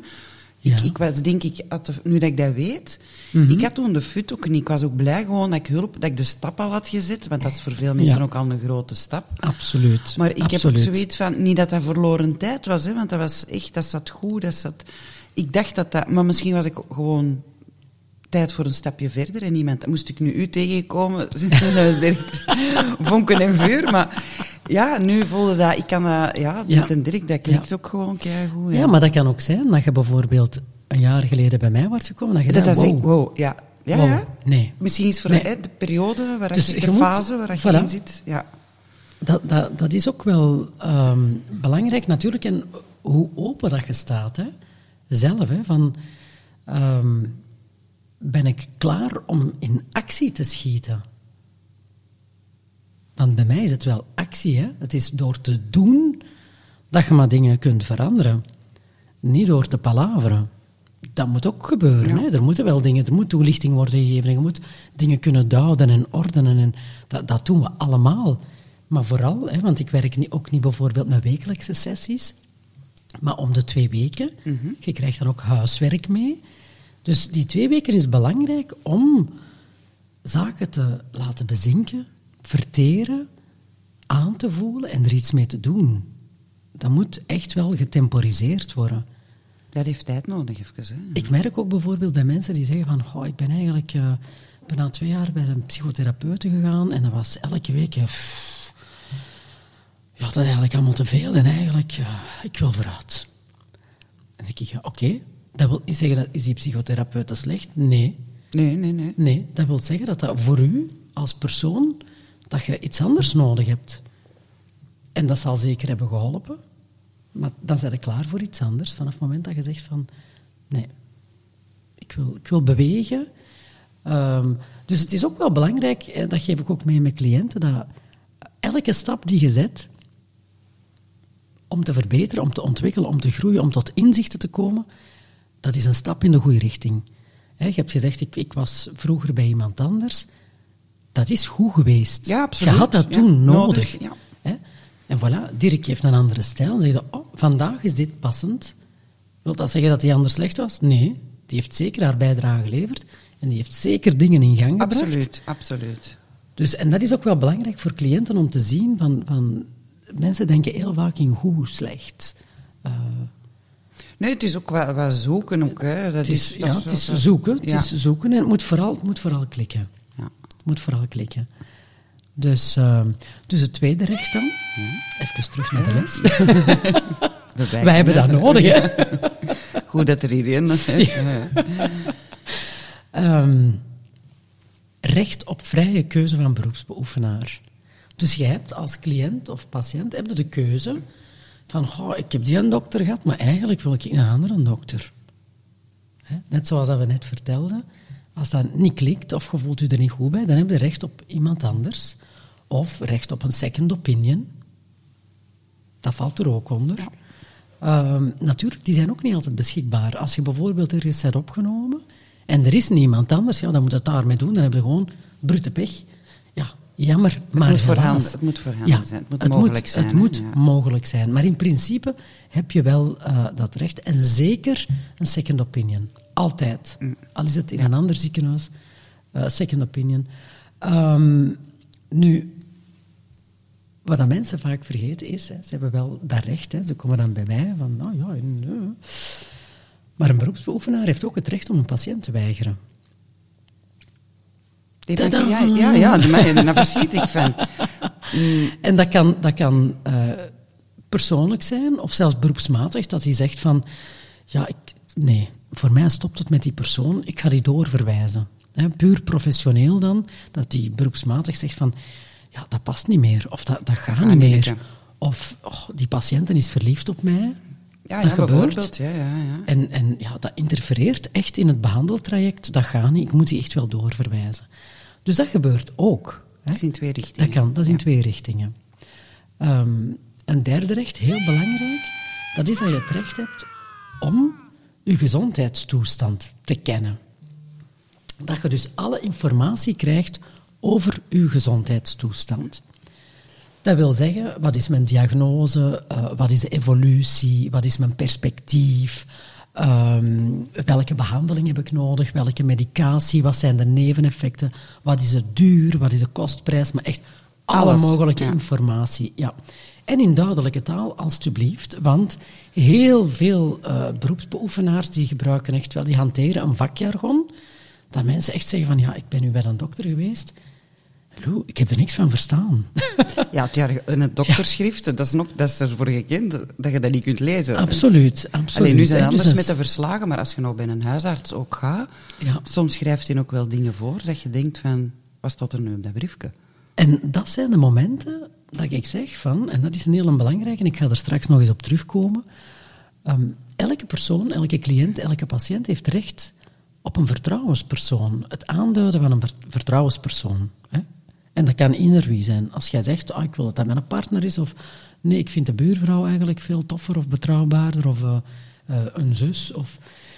een vertrouwenspersoon is heel belangrijk om te hebben, zeker wanneer dat je bijvoorbeeld ehm, niet in staat bent om die informatie zelf te capteren. Dat kan zijn uh, doordat je in shock bent. Mensen krijgen een boodschap. Bijvoorbeeld, je hebt een hersentumor. Ik denk dat er dan wel even een kortsluiting in je hoofd plaatsvindt. Hè. Um, dan, is, dan is het belangrijk om iemand bij u te hebben die heel goed kan luisteren naar de arts en kan doorvragen van wat staat ons te wachten, wat kunnen we doen, wat is de prognose, wat is ons perspectief. Want zelf ben je niet altijd in staat. Maar evengoed voor mensen die bijvoorbeeld een depressie hebben en die in opname gaan en die eigenlijk niet meer de energie hebben om te luisteren en om te vragen en om te participeren in hun eigen traject. Dus het, het, het aanduiden van de vertrouwenspersoon, dat is essentieel. Dat is niet een contactpersoon, hè? want mensen ah, ja. zeggen dan van, oh ja, nee, maar ik heb als moeder uh, doorgegeven, dat is mijn contactpersoon. Nee, nee. Die zullen ze bellen om te zeggen, kom halen. ja, Dan is het. Liever niet, maar ja. Maar als het gaat, ja. maar als het gaat over echte informatie over de gezondheidstoestand, en dat je zegt van, ik heb iemand naast mij nodig, aan mijn zijde, die mij ja, die, die extra informatie kan capteren en mij dat kan toelichten en mij kan versterken daarin, dan is dat belangrijk dat je dat echt wel doet. doet hè? Uh, er zijn formuliertjes voor online, die zal ik u ook bezorgen. Ja. Heel, heel simpel, heel eenvoudig. En dan moet je dan afgeven op de plek. En dat kan zijn bij de psycholoog, dat kan bij de psychotherapeut, dat kan, dat kan in een ziekenhuis, in elke, bij de kinesist, overal. Ah, het is, het is dat moeten afprinten en invullen. Het is niet een, een online contactformulier. Uh, nee, nee, nee. nee. Dat is, je mocht dat ook mondeling meegeven. Maar uit ervaring ja. weet ik dat ook heel veel mm, beroepsbeoefenaars ja, dat concept ook niet zo goed kennen en vaak die persoon dan ingeven als contactpersoon en niet als vertrouwenspersoon. Vandaar dat ik dan zeg van, oké, let's, let's go old school, we gaan dat afprinten, schrijf dan een keer op, op uw naam, tekent dat. Ehm, dat is heel belangrijk. Waarom? Um, er zijn een aantal uitzonderingen. Uh, er zijn twee uitzonderingen waarbij dat de uh, toestand eh, de gezondheidstoestand niet wordt meegedeeld aan de patiënt. Enerzijds is dat, noemen ze de therapeutische exceptie. Dat is wanneer dat de arts inschat dat de informatie die hij zou geven schade zou berokkenen, een bijkomende schade zou berokkenen aan de patiënt, um, of nefast zou zijn voor de verdere behandeling. Wat gebeurt er dan? Dan moet de arts de vertrouwenspersoon contacteren en, te en zeggen van kijk, ik moet hier de therapeutische exceptie inroepen. Die persoon die is niet in staat op dit moment om die informatie te ontvangen. Ja. Dat wordt dan ook in het dossiertje um, genoteerd. Um, een andere uitzondering is dat de patiënt zegt, uh, ik heb het recht om niet te weten. Als ik een tumor heb, dokter, ik wil het niet weten. Ah, ja, dat kan ook. ja, dat kan ook. Ik wil het niet weten. Laat me gerust. Dat gebeurt en dat de arts dat bijvoorbeeld wel tegen de vertrouwenspersoon kan zeggen. Ja. ja. Ja. dan is het belang van die vertrouwenspersoon eens zo groot. Hè, natuurlijk. Absoluut, ja, absoluut. Ja. Het vierde recht. Je hebt het recht als patiënt om uh, uitgebreid geïnformeerd toestemming te geven. Um, in, in, uh, in elke tussenkomst van een arts, in elke handeling. Dus wanneer dat bijvoorbeeld, ik zal een voorbeeldje geven, uh, een dokter zegt van, uh, ja, Evie, ik ga nu een spatje moeten geven, of, of een pilletje moeten geven voor dat en dat en dat. Dan moet jij weten van, oh, die medicatie, wat is dat? En wat zijn de neveneffecten? En heb ik dat echt wel nodig? Zijn er alternatieven? Ik wil heel goed weten wat er hier allemaal gaande is. Of bijvoorbeeld een procedure. Je moet bijvoorbeeld een, een, eh, een, eh, een, een hartonderzoek ondergaan.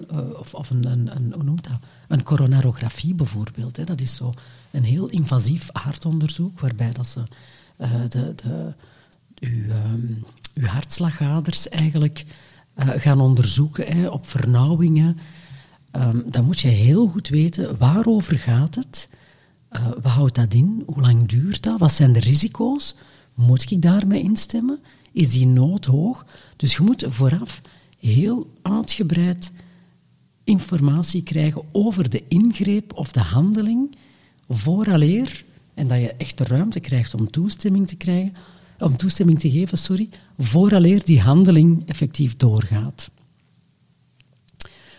Natuurlijk, in geval van spoed. Ja. Er zijn gevallen dat ze niet kunnen vragen. Zeg, ja, wilde jij dat ik die kogel eruit haal of niet? ik bedoel... Nee, nee, nee. Kan niet plaatsen. Uh, ja, ja. voilà. Um, maar dat is wel belangrijk. Ook dat, mensen weten dat niet. Nee, nee. Het is, uh... Die doen maar. Die zeggen, oh ja, maar ja, de dokter heeft dat gezegd. Ja. Ja. En als de dokter het gezegd is, dat wel waar. Dan is dat zo, hè. Ja. Natuurlijk, de dokter gaat ook geen onzin uitkramen. Nee, nee, natuurlijk niet. Maar het gaat over, wat is de ruimte die je krijgt en neemt om te participeren in je eigen traject. En durfde dat in vraag stellen. Ja, ja. En dat, dat is heel belangrijk. Je mocht dat in vraag stellen. En, ja. ja. en dat is eigenlijk daarmee dat ik dat instrument ook heel sterk vind, want dat helpt u ook om assertiever te worden. er kunnen, dat is iets heel concreet waar je naar kunt wijzen en op kunt terugvallen. Van ja, hé, hey, ho, maar ik heb, ik heb wel dat recht, ik wil dat wel even vragen, ik wil dat wel weten. En dan ja, een recht dat, dat, dat voor u van toepassing is. Je hebt het recht op een zorgvuldig bijgehouden patiëntendossier. Alsjeblieft, ja. Met mogelijkheid tot inzage hè, en, en afschrift. Uh, dat is een heel belangrijke. Um, je moet weten, op elk moment eigenlijk van, van je leven, want dat kan zijn dat je ooit eens een opname hebt gehad of een ingreep. En jaren later zeg je van, zeg maar, wat was dat eigenlijk allemaal? Ik weet dat eigenlijk niet goed meer. Ik wil dat wel weten. Um, ik wil dat eens inkijken. Of ik wil daar een kopietje van. Dat is uw recht. Um, dat kan met allerhande dingen te maken hebben. Hè. Dat heeft niet altijd met psychiatrie te maken. Dat kan ook in de somatische zorg. Dat je zegt van, goh, ik heb toen een ingreep ondergaan, maar wat is er toen eigenlijk? Ik weet dat eigenlijk niet meer, dat is zo lang geleden. Zijn er dingen waar ik nog op moet letten? Um, is dat belangrijke informatie?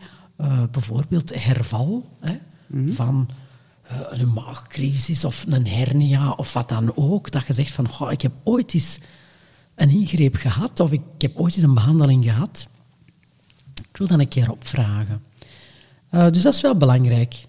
Ten tweede, wat wordt er over mij geschreven en op welke manier? En de info dat erop staat, klopt die wel? Inderdaad.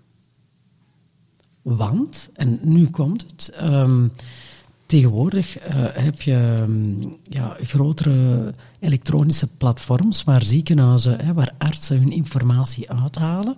Ik weet niet of dat je ooit al eens op zo'n elektronisch platform bent, bent geweest. Ko Kozo? Van Kozo? Ja. ja hè, waar je dan hè, je paspoortje hè, met de Ja. kaartlezer insteekt. En dan, Zelfs nu een app op je gsm kan je dat ook al. Voilà, kijk, je zo gesofisticeerd. Nee, ik ben mee met mijn tijd. Ja, en, en dat gebeurt dan, dat mensen zeggen, tja, ik ben een verslag tegengekomen. Wat is dat? Dat klopt helemaal niet. En dat zijn de momenten, Ja, want die verslagen blijven nu Die hè, met, die, blijven met die daarin, hè? digitalisering. voilà. Kan, allee, het is een grote stap vooruit, hè, want je in je leven misschien twee, drie verschillende ziekenhuizen, laat ons hopen van niet. Maar vroeger werden die linken niet gemaakt op medisch vlak. Nee. Ieder deed maar Ja. op zijn eigen... Klopt. En nu is dat wel interessant natuurlijk voor de zorgverlener ook, dat hij een overzicht krijgt wat is de geschiedenis Absoluut. van die patiënt. Dus, Absoluut, eh, dat, dat is heel grote. belangrijk. Dat Ja. is heel erg belangrijk. Daar winnen ze ook heel veel tijd mee. Hè. Ehm, maar vandaar dat het eens zo belangrijk is dat die dingen die erin staan, dat dat correct is. Ja. Dat dat juist is. En vandaar dat ik zeg van, vraag dat toch eens na, kijk dan een keer na. Ehm, heel vaak vertel je ook dingen die dat je anders bedoelt. En die worden op een welbepaalde manier geïnterpreteerd door de ander. Ja. En dat wordt dan in een verslag gegoten. En dan zeg je, oei. Ja, ja, ja. Ehm, maar dat blijft er wel in staan. Dus dat, dat, dat patiëntendossier is één ding. Dat, dat, dat moet correct zijn. Anderzijds is het belangrijk dat je weet, ik kan aanpassingen vragen. Ik kan er dingen in laten aanpassen. Wanneer ik niet akkoord ben, kan ik dat er wel aan toevoegen. Voilà, dus dat is een, ook een heel eenvoudige procedure. Dat heb je maar aan te vragen. Uh, ze hebben dan 15 dagen uh, de tijd om alle stukken bij elkaar te verzamelen en u die te bezorgen. Dus dat is eigenlijk uh, heel eenvoudig, dat gaat snel. En ik ken eigenlijk, tot hiertoe heb ik eigenlijk nog nooit iemand in een ziekenhuis ontmoet die zei van nee, dat, dat doe ik niet. Tenzij, weer al die therapeutische exceptie, als een dokter zegt van, oh, maar die persoon is eigenlijk niet klaar om dat nu allemaal te lezen en dat zwart op wit te zien, dat gaat echt wel nefast zijn, dan doen ze dat niet. Nee. En dat vind ik ook wel goed. Ja, dat, is ter bescherming. Dat is ter bescherming, ja, dat vind ik wel ja. uh, heel belangrijk. Um, waar was ik gebleven? Puntje 5 hadden net gezegd, denk ik. hey, let wel op, hè. Uh, puntje 6, het zesde recht, hè, dat is recht op bescherming van de persoonlijke levenssfeer, hè, van uw privacy. Uh, heel belangrijk, dat gaat over de ruimtelijke privacy, hè, uh, maar ook de persoonlijke privacy. Wanneer je, dat je bijvoorbeeld gesprekstherapie volgt, dat je zeker weet van, zeg, dat zijn toch geen kartonnen murkjes waar ze hiernaast horen wat ik vertel. Hè, dat is wel belangrijk. Of dat dat geen, geen ramen zijn waar dat iemand kan doorkijken. doorkijken ja. hè. Um, of bijvoorbeeld als u ergens moet gaan omkleden voor een onderzoek, hè, dat dat niet is voor heel de wachtzaal. Ja. ja, maar je lacht ermee, maar er gebeuren al eens accidentjes. In de Vlaanders? Ah, nee, nee. nee, nee. Mijn West-Vlaamse luisteraars, hè. Ja. ik ben benieuwd naar uw reactie al. Ja. Um, maar, dus, maar met bescherming bedoel ik dan ook dat elke beroepsbeoefenaar is uh, gebonden aan um, beroepsgeheim. Dat is heel belangrijk. Nu, er is een uitzondering, hè, wanneer dat is in, in, in functie van volksgezondheid bijvoorbeeld. Ja, dan moet er soms wel informatie worden vrijgegeven. Mm-hmm.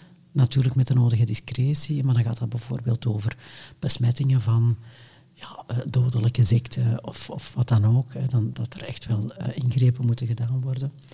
Um, maar dus beroepsgeheim is wel voor alle medewerkers uh, binnen de site waar je in verblijft of um, ambulante zorg krijgt. Dat wil zeggen dat de secretaresse die aan de balie zit en die ziet u bijvoorbeeld ergens binnenkomen, die mag niet gaan vertellen, zeg, die Evi, ik heb die gezien, die is naar dokter Huppel de pub gegaan. Ook, ook beroepsgeheim. ja, ja, absoluut. Ja, absoluut, ja, absoluut. Um, dus dus dat, is, dat is niet onbelangrijk. En dan komt het allerbelangrijkste recht, Evi. En daarvoor zit ik hier. Oh, nu ben ik helemaal benieuwd. Het recht om neer, een klacht neer te leggen bij de ombudsdienst. Halleluja. Praise the Lord. en hier was Lou. Voilà. Dus ook daar heb je verschillen. Hè. Je hebt... Um, in de meeste algemene ziekenhuizen heb je interne ombudsdiensten. Dat zijn medewerkers van de ziekenhuizen, dus die zijn verbonden aan die ziekenhuizen. Dat geeft nog een, ehm, een ander gevoel. Hè. Eh, binnen de geestelijke gezondheidszorg zijn dat vooral in 98% van de tijd externe ombudsdiensten. Dat is onafhankelijk. Ja, omdat natuurlijk ook um, ja, binnen, binnen de geestelijke gezondheidszorg ja, heb je toch wel um, een wantrouwen dat inherent is aan, aan kwetsbaarheid en dat dat echt wel belangrijk is om daar een externe, objectieve persoon als toetssteen te hebben, mm, mm. Hè, als gesprekspartner. Um, je hebt dan ook de federale ombudsdienst, hè, dat is dan voor de privé-initiatieven, dan heb ik het over hè, de, de kinesisten, de, de, psychologen, de psychotherapeuten hè, um, en anderen. Um, dan heb je ook nog agentschap zorg en gezondheid. Als jij zegt van, zeg die Lou, die heeft mij helemaal niet geholpen. En die was heel brutaal. En die was kei lastig. Dat is gewoon een tang. Ik ga een klacht neerleggen tegen Lou. dat is bij agentschap zorg en gezondheid. Ja, dat is ook weten waar ze moeten zijn. Fantastisch. Ja, en dat vind ik ook wel belangrijk. Dan heb ik zoiets van, ja, als je echt ontevreden bent, ja. ik geef dat ook mee. Dat kan altijd. Ja. Voilà, ik sta er open Geweldig. voor. Ik sta open voor dialoog. dat is duidelijk. Um, in de eerste instantie gaan wij altijd, alle ombudsdiensten gaan dat doen, gaan wij natuurlijk de mensen aanmoedigen om rechtstreeks in gesprek te gaan met de persoon in kwestie. Ja. Ja, dat heb jij bij mij ook gedaan. Ik heb ook. Ik Voilà. verschoot daar wel een beetje van, want ik dacht... Hoe Zoals ik ben, voor mij? Nee, die, die, die gaat mijn handje vasthouden en die gaat samen met mij naar daar. Dus hij zei, eh, ik ben daar niet bij, hè. Ik dacht, en ik dacht, oei. Tenzij, tenzij dat dat gevraagd wordt. Ja. Nu, Nu, dat was niet nodig, maar... Voilà, dat wa- was niet nodig, Pas op, maar op er zijn wel moment- momenten dat ik Ja. zeg van... Ik ga er wel bij zijn om het Ja. gesprek te faciliteren.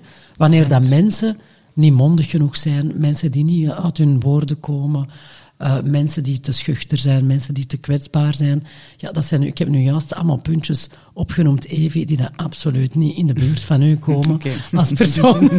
dus ik had zoiets van... Zo. Goed, Go do your shit. en dat is heel goed gegaan. Ja, hè? ja.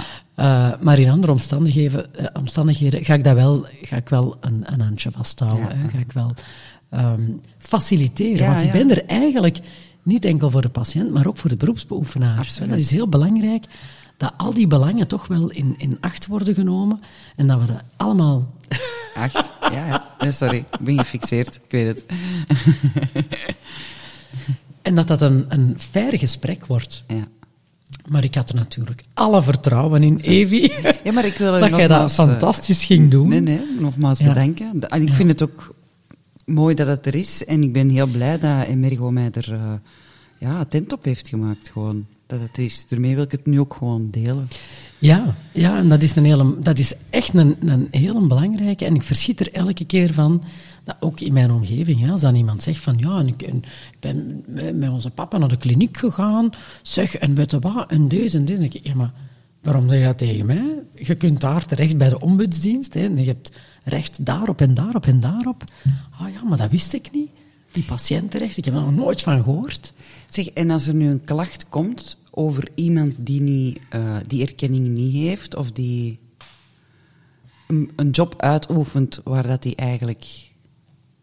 Waar we het over hadden, die uit de als paddenstoelen, hoe- wa- wat gebeurt er dan? Niks. Erg, hè? Ja, Ja, dat vroeg ik mij nu eigenlijk juist Ja. af. ja. Jij geeft ook les. Ik geef ook eh, coachingopleiding. Ja, Ja, vertel daar eens over. Dat is een, een opleiding van twee jaar. Ja. Hè, dus dat is geen flutopleiding Nee. van eh, we gaan hier drie lesjes doen en je bent coach. Nee. Dus dat is echt wel een proces van twee jaar waar je doorgaat. Ehm, het, het, eh, het eerste jaar gaat over eh, de, de basic vaardigheden van, Ja. van de coach.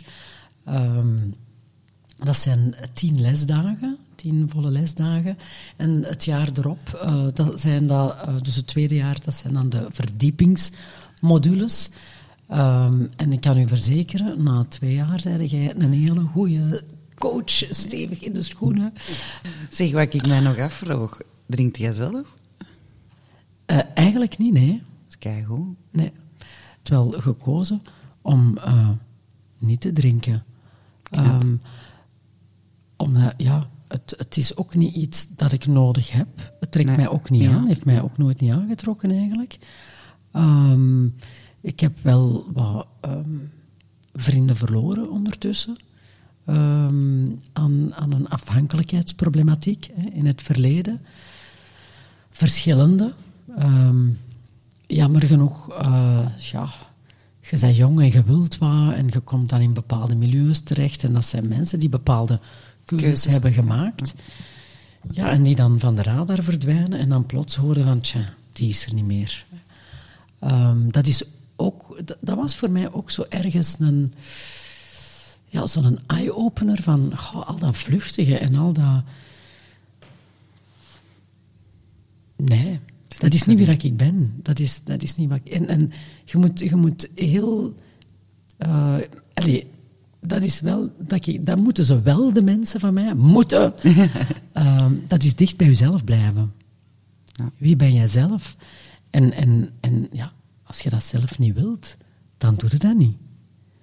Ik heb bijvoorbeeld ehm, ooit eens een cliënte gehad en ehm, die had een, een afhankelijkheidsproblematiek. Hè. Dat heb je natuurlijk ook in gradaties. Hè. Dat was ook iemand die ehm, af en toe eh, aan binge drinking deed. Hè. En toen wel de hele leuke, gezellige vriendin was. Hè. Ehm, zij is dan bij mij het traject eh, gestart uh, in persoonlijk leiderschap. Wat gebeurt er? Je gaat ook een volledig ander leven. Allee, je gaat je leven anders inrichten. Dus de focus ligt niet bij dat drinken. En dat, dat ga ik, ook nooit, ik ga ook nooit niet tegen iemand zeggen, je mag niet drinken of je moet, of je moet gaan opschrijven wat je allemaal hebt gedronken en wanneer en hoeveel en hoeveel flessen. Nee, dat interesseert me niet. Wie ben ik om te zeggen, je mag dat niet? Ik ga wel stimuleren om bepaalde gewoontes in te bouwen die gezond zijn voor lichaam en geest en, en, en, en om uw emoties te kunnen reguleren en te ordenen.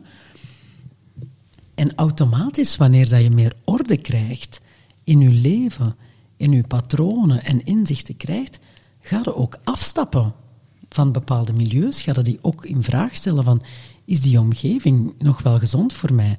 Zijn dat echt wel vrienden?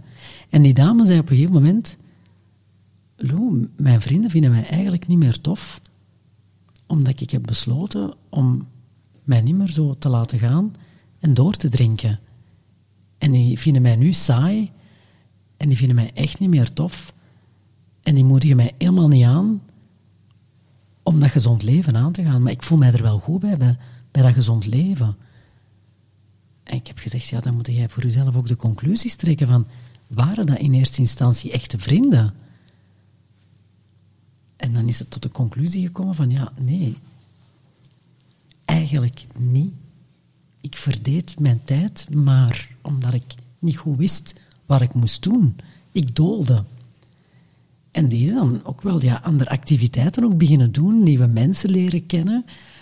En uh, ja, dat is kei tof. Ik denk dat het heel, heel herkenbaar is voor uh, luisteraars die al een tijd gestopt zijn, want we komen dat moment allemaal tegen, zijn we ja. saai. Ik ben er nog de vorige aflevering mee geëindigd eigenlijk. Dus uh, het is een heel herkenbaar gegeven en dat is ook ja, op zoek. Ik denk vooral dat u uw coaching dat jij geeft, dat je een beetje verder bent in het proces van nuchter zijn uh, Absoluut. Ja, ja, ja, mijn, focus, mijn focus ligt ook helemaal niet. Nee, nee, Absoluut want, de zei ook zo, Ja, ik vind het nieuwe seizoen een beetje anders. Ik zeg, ah, ja, waarom? Ja, uh, als er nu nieuwe luisteraars bij zijn, hè, je begint niet terug van nul. Ik zeg, ja, daar ben ik ook niet van plan. Ik zeg in mijn documentaire, ik zeg, dan moeten die vanaf aflevering 1. Ja, ja, tuurlijk. We zijn nu verder in het proces. Dus, uh, absoluut, absoluut. Ik denk dat jij vandaag hier oh, de geknipte persoon op de juiste plaats waart. Kunnen we daar, wil jij daar nog iets aan toevoegen? nog iets? Ja, ik wil u eigenlijk bedanken voor de uitnodiging, want ik, ik, uh, ik, ik, vond het ongelooflijk. Dat, dat, dat voelde ook helemaal oké, want um, ja, ik, ik word vaak uh, uitgenodigd voor, voor interviews of, of stukjes te schrijven. Um, voor voor ja, bepaalde organisaties. Of, of uh, um, ik ben daar heel erg selectief in. ik wil mij ook niet verbinden uh, aan bepaalde organisaties, uh, omdat ik vind dat. Ik mag dat wel zeggen, ik ben een franke en jij weet dat. Goeie eruit. ik smaat het eruit.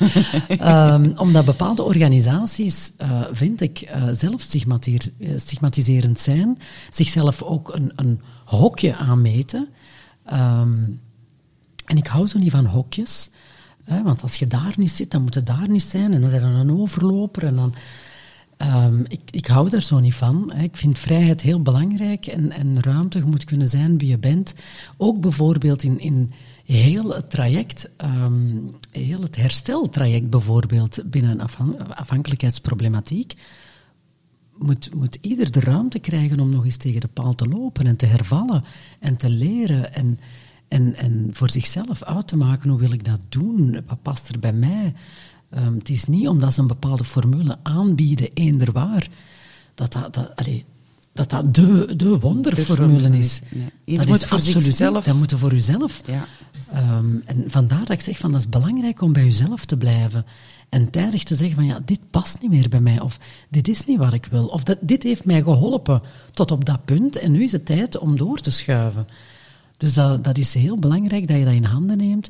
En dat je mild bent voor uzelf. Hè. En, en dat, is een, de, dat is een tip, dat is een laatste tip even dat ik ga meegeven. Um, let op welke taal dat je gebruikt naar jezelf toe. Hè. Um, hoe noem je jezelf? Hoe spreek je jezelf aan? Uh, welke woorden gebruik je? Ehm, als je zegt, ik, ik, ik, ben alcoholieker, ja, dan, dan word je het probleem. Dat is niet de bedoeling. Hè. Ik heb een, een, een, afhankelijkheidsproblematiek, dat is iets anders. En ik, kan, ik heb de mogelijkheden om daar iets aan te doen. Als je hervalt, dan moet je niet zeggen, oh, ik ben een domme koe of een geit of een onnozelaar of wat heb ik gedaan. Dat is gebeurd. Hè? En dan gaan we een keer kijken van, van en wat doet dat nu met u? En, en niet te lang blijven hangen bij het feit dat dat gebeurd is, maar kijken naar de mogelijkheden. Voilà, dat was een slechte dag, het was een slechte moment. Maar er zijn nog mogelijkheden. Um, dus uzelf ook die hoop niet ontnemen. En dat is eigenlijk mild zijn ten aanzien van uzelf. Um, wij zijn ook maar mensen. Wij maken... Uh, allee, van fouten spreek ik niet graag, maar wij, wij doen allemaal wel eens zo een misstap. Hè? Mhm. En uh, een afrit, dat we zeggen, oh, dat is een afrit dat ik eigenlijk niet mocht pakken. of dat je aan een rondpunt Rond blijft, hè, blijft, blijft, hangen. Hè? het, het, het, is grappig, ik gebruik hier ook altijd zo autothermen of op de baan. Of, uh, ja, ja, dat is natuurlijk ook, bij mij is dat ook een beetje... Uh, ik ben eigenlijk... Uh, ik heb ooit ook drie jaar automechanica gestudeerd. Och, oh, graag. In avondschool, ja, omdat ik dat heel interessant vind. Dus ik gebruik heel gemakkelijk ja. autotermen. Ja, op de rem staan, ja. veiligheidsriem. Onze rem was kapot, voilà. Ja, ja, ja. Oké, okay, uh, super. Nee, maar daar wou ik mee afsluiten van, van wees mild. Hè. En wat er ook gebeurt, alles is van voorbijgaande aard.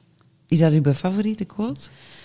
Dat is niet per se mijn favoriete quote, maar ik vind dat wel een heel belangrijke quote. Om te beseffen, de situatie waar je vandaag in zit, hoeft niet blijvend te zijn. Nee, oké. Dat is van voorbijgaande aard. Dus voor de rest, uh, de Ginger Jack, echt wel... Alsjeblieft. Uh, dat, is, dat is echt dat is voor de max. Is dat voor mij? Ja, ja, je krijgt nog een oh, flesje mee. ik heb dat niet gezegd om af te luizen of maar zo. Ik heb dat er straks al een klein beetje gefluisterd. Mag Zalig, ik, mag ik, dikke, dikke merci. Graag gedaan. Mag ik u ook hartelijk bedanken voor uh, superboeiende babbel, uh, de coole coaching tools die ik hier gehoord heb, tips, maar vooral voor één ding, om hier keihard uzelf te zijn. Vond ik fantastisch. Ik heb zelfs mijn krullen behouden voor u. Let's rock. Vind ik yes. Zalig. The answer is yes. Merci, hè. Joe. Naar goede gewoonte vertel ik je wat er in de aftertalk nog gebeurde. En dat is wel speciaal nu. Ja, je kunt al aannemen dat dat ook een beetje uitliep. En uh, door samenloop van omstandigheden sloot, ja, toeval bestaat niet, Jan van vorige aflevering aan bij deze aftertalk. Je hebt de foto's misschien al zien passeren op uh, social media. En ik mag jou vertellen dat Jan, die dit interview dat jij net hoorde helemaal niet gevolgd heeft, uh, maar wel dus de aftertalk met ons driekes, onmiddellijk in het traject gestapt is bij Lou. Dus ik zou zeggen, go for it Jan. Ik vind dat echt sterk werk, man. En ik heb zo een lichtbruin vermoeden uh, dat we dit traject binnenkort ook mee kunnen volgen in jouw blog. Just. Dus uh, benieuwd hoe dit traject afloopt, dan verwijs ik graag naar de blog van Jan. Hè. Maar bon, Lou die kon het natuurlijk in de babbel niet nalaten om even snel twee tips mee te geven, die ik graag deel met jou natuurlijk. Tip 1, om meer rust te integreren thuis is het wel belangrijk de functie van je kamers te waarderen. Bijvoorbeeld eet niet voor een tv, kijkt geen tv op je slaapkamer, verzend geen mailtjes op het toilet. Of zoals ik, drink niet in je strijkot. En nog een tweede tip, maar vooral dan voor de thuiswerkers. En dat gaat misschien heel raar klinken, maar doe de schoenen aan die je normaal zou dragen als je naar kantoor gaat. Ja, het geeft een soort kracht en hoedanigheid van de functie waarin je zit. Het is part of the routine, hè, zoals we al hoorden. Maar maak die aarding. Hè. Dus uh, ik dacht, ah ja, lap, daar gaan mijn paarse sexy plusje sloefjes. Ik zal u iets verklappen. Ja, ik ben nu sinds kort ook dus aan het proberen en aan het leren mediteren. Ik vind mezelf zelfs opnieuw wat sexy, nu ik hier tussendoor zit te mediteren in uh, mijn werkoutfit, mijn naaldhakken. Ja, oké, soms ook sneakers. Dat hangt een beetje van mijn moed af. Maar dus geen paarse plussen. Sloefen niet meer voor mij. Anyway, door de inzichten van de laatste weken ben ik nu klaar om u even mee te nemen naar de aanloop van mijn rock bottom. Uh, sommigen weten nog niet wat dat is, begreep ik. Dat is echt mijn, mijn dieptepunt. En vaak hoor ik uh, dat mensen tot dit punt komen en dan aan hun herstel beginnen. En dan hun verleden aan de slag gaan En dan pas komen tot een herval of terugval, al dat niet. Nu, bij mij liep dat net iets anders. Want ik was het laatste jaar of jaren al onder begeleiding aan het graven en het werken aan uh, onverwerkte trauma's. Soms vraag ik mij af hoeveel trauma's kan een mens meemaken in zijn leven. Maar wel, daar gaan we nu even niet dieper op in. Maar om kort te gaan, uh, hoe komt het dus dat mijn auto van binnen een beetje kapot is? Daar was ik eigenlijk al aan het werken. Uh, dat bovenop mijn eenzame gevoel uh, van de laatste twee jaar, dat heeft mij doen vluchten naar de fles. En dat zien en herken ik nu pas dankzij mijn nuchterheid, dat traject hier. En vandaag neem ik je nog heel snel even mee naar mijn hervalmoment. We noteren woensdagavond 22 december 2021. Na het lezen van het boek van Evi Hansen dacht ik even op eigen houtje, zonder professionele hulp te stoppen, met drinken. Uh, ik was vandaag op de koop toe uh, een maand gestopt, dus echt, jee, I made it. En dat boek, dat wil ik even geven, dat was voor mij een eye-opener, maar ook niet meer. En nu bekeken vind ik het eigenlijk ook een beetje gevaarlijk als je op dit moment niet beseft of wil toegeven dat dit ook dus problematisch drinken is. Maar bon, ik had die avond gehaktbrood gemaakt. Meatloaf, zoals ze wel zeggen. Nu, veel love was er die avond niet bij. Ook geen schouderklopje, dat ik al een maand gestopt was. Maar lap, daar is weer eigenlijk mijn bevestigingsdrang. Nu, om heel kort te gaan, ik was op die moment mezelf verloren. In mijn werk, in mijn relatie. En dus ook mezelf echt helemaal kwijt door mijn eigen ziek please-gedrag. En ik zocht, dom, dom, dom, verbinding in die fles. Zeg maar in een kartonnetje. En dan weet je, dit is foutenboel. Kartonnetjestijd. Zware herval dus. En op die moment had ik nog niet eens van dat woord gehoord, van dat woord herval. Want ik dacht niet dat het zo erg gesteld was met mezelf. Ik heb lang in de gedachte gezeten dat ik gewoon te veel thuis alleen dronk door de lockdown. En geen besef dat ik eigenlijk voordien een sociale benchdrinker was. Donderdag 23 december. Ik zat helemaal in overdrive. Dat is een uh, fase waar ik wel vaker in geraak als ik mijn grenzen niet bewaak. En ik blijf dan gaan. Hè. Rationeel denken dat wordt uitgeschakeld en ik leef op automatische piloot in alles wat ik onderneem. Dus ook op vlak van drinken. Ik kreeg hier thuis fijntjes de mededeling dat er geen kerst samen gevierd zou worden. Mijn enige lichtpuntje waar ik eigenlijk de laatste weken, zeg maar maanden, tussen het werken, koken en plassen naar uitkeek. Mijn vele obsessieve bezigheden waren ja, nu bekeken ook een vlucht van mijn verleden en van mijn gedachten. Anyway, alleen kerst moeten vieren was het laatste nekschot dat mij geveld heeft. Het werd eigenlijk drinken om niks niet meer te voelen. Vrijdag 24 december. Het is vrijdagochtend en ik zat op de rand in een vuile badjas met een glas rosé naast mij. Ik drink normaal niet eens rosé. En ik, ja, weet je wel, ik zat in mijn Hukuna Makava-periode. En het was eigenlijk waarschijnlijk het enige wat nog in huis was, dat fucking kartonnetje.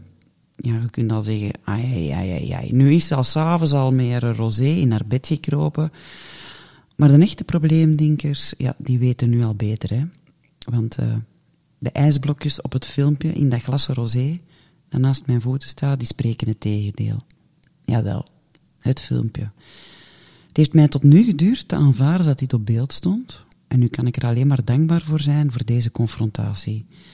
Scheef zit ik daar met mijn haar op half zeven. Trouwens, op dat filmpje kan je ook duidelijk het uur van opname zien. Half zeven was het niet, maar uh, 7 uur 43 s morgens is nu ook niet het moment om te beginnen aperitieven. Just, foutenbol dus. Het was over en out. Ik heb alsnog een halve dag gewerkt dat heb ik trouwens ontdekt aan de verzonden mails. Hè. Dat is zoiets zoals je de dag nadien je gsm vastpakt en denkt, shit, naar wie heb ik nu weer allemaal berichtjes gestuurd? U herkent het vast wel.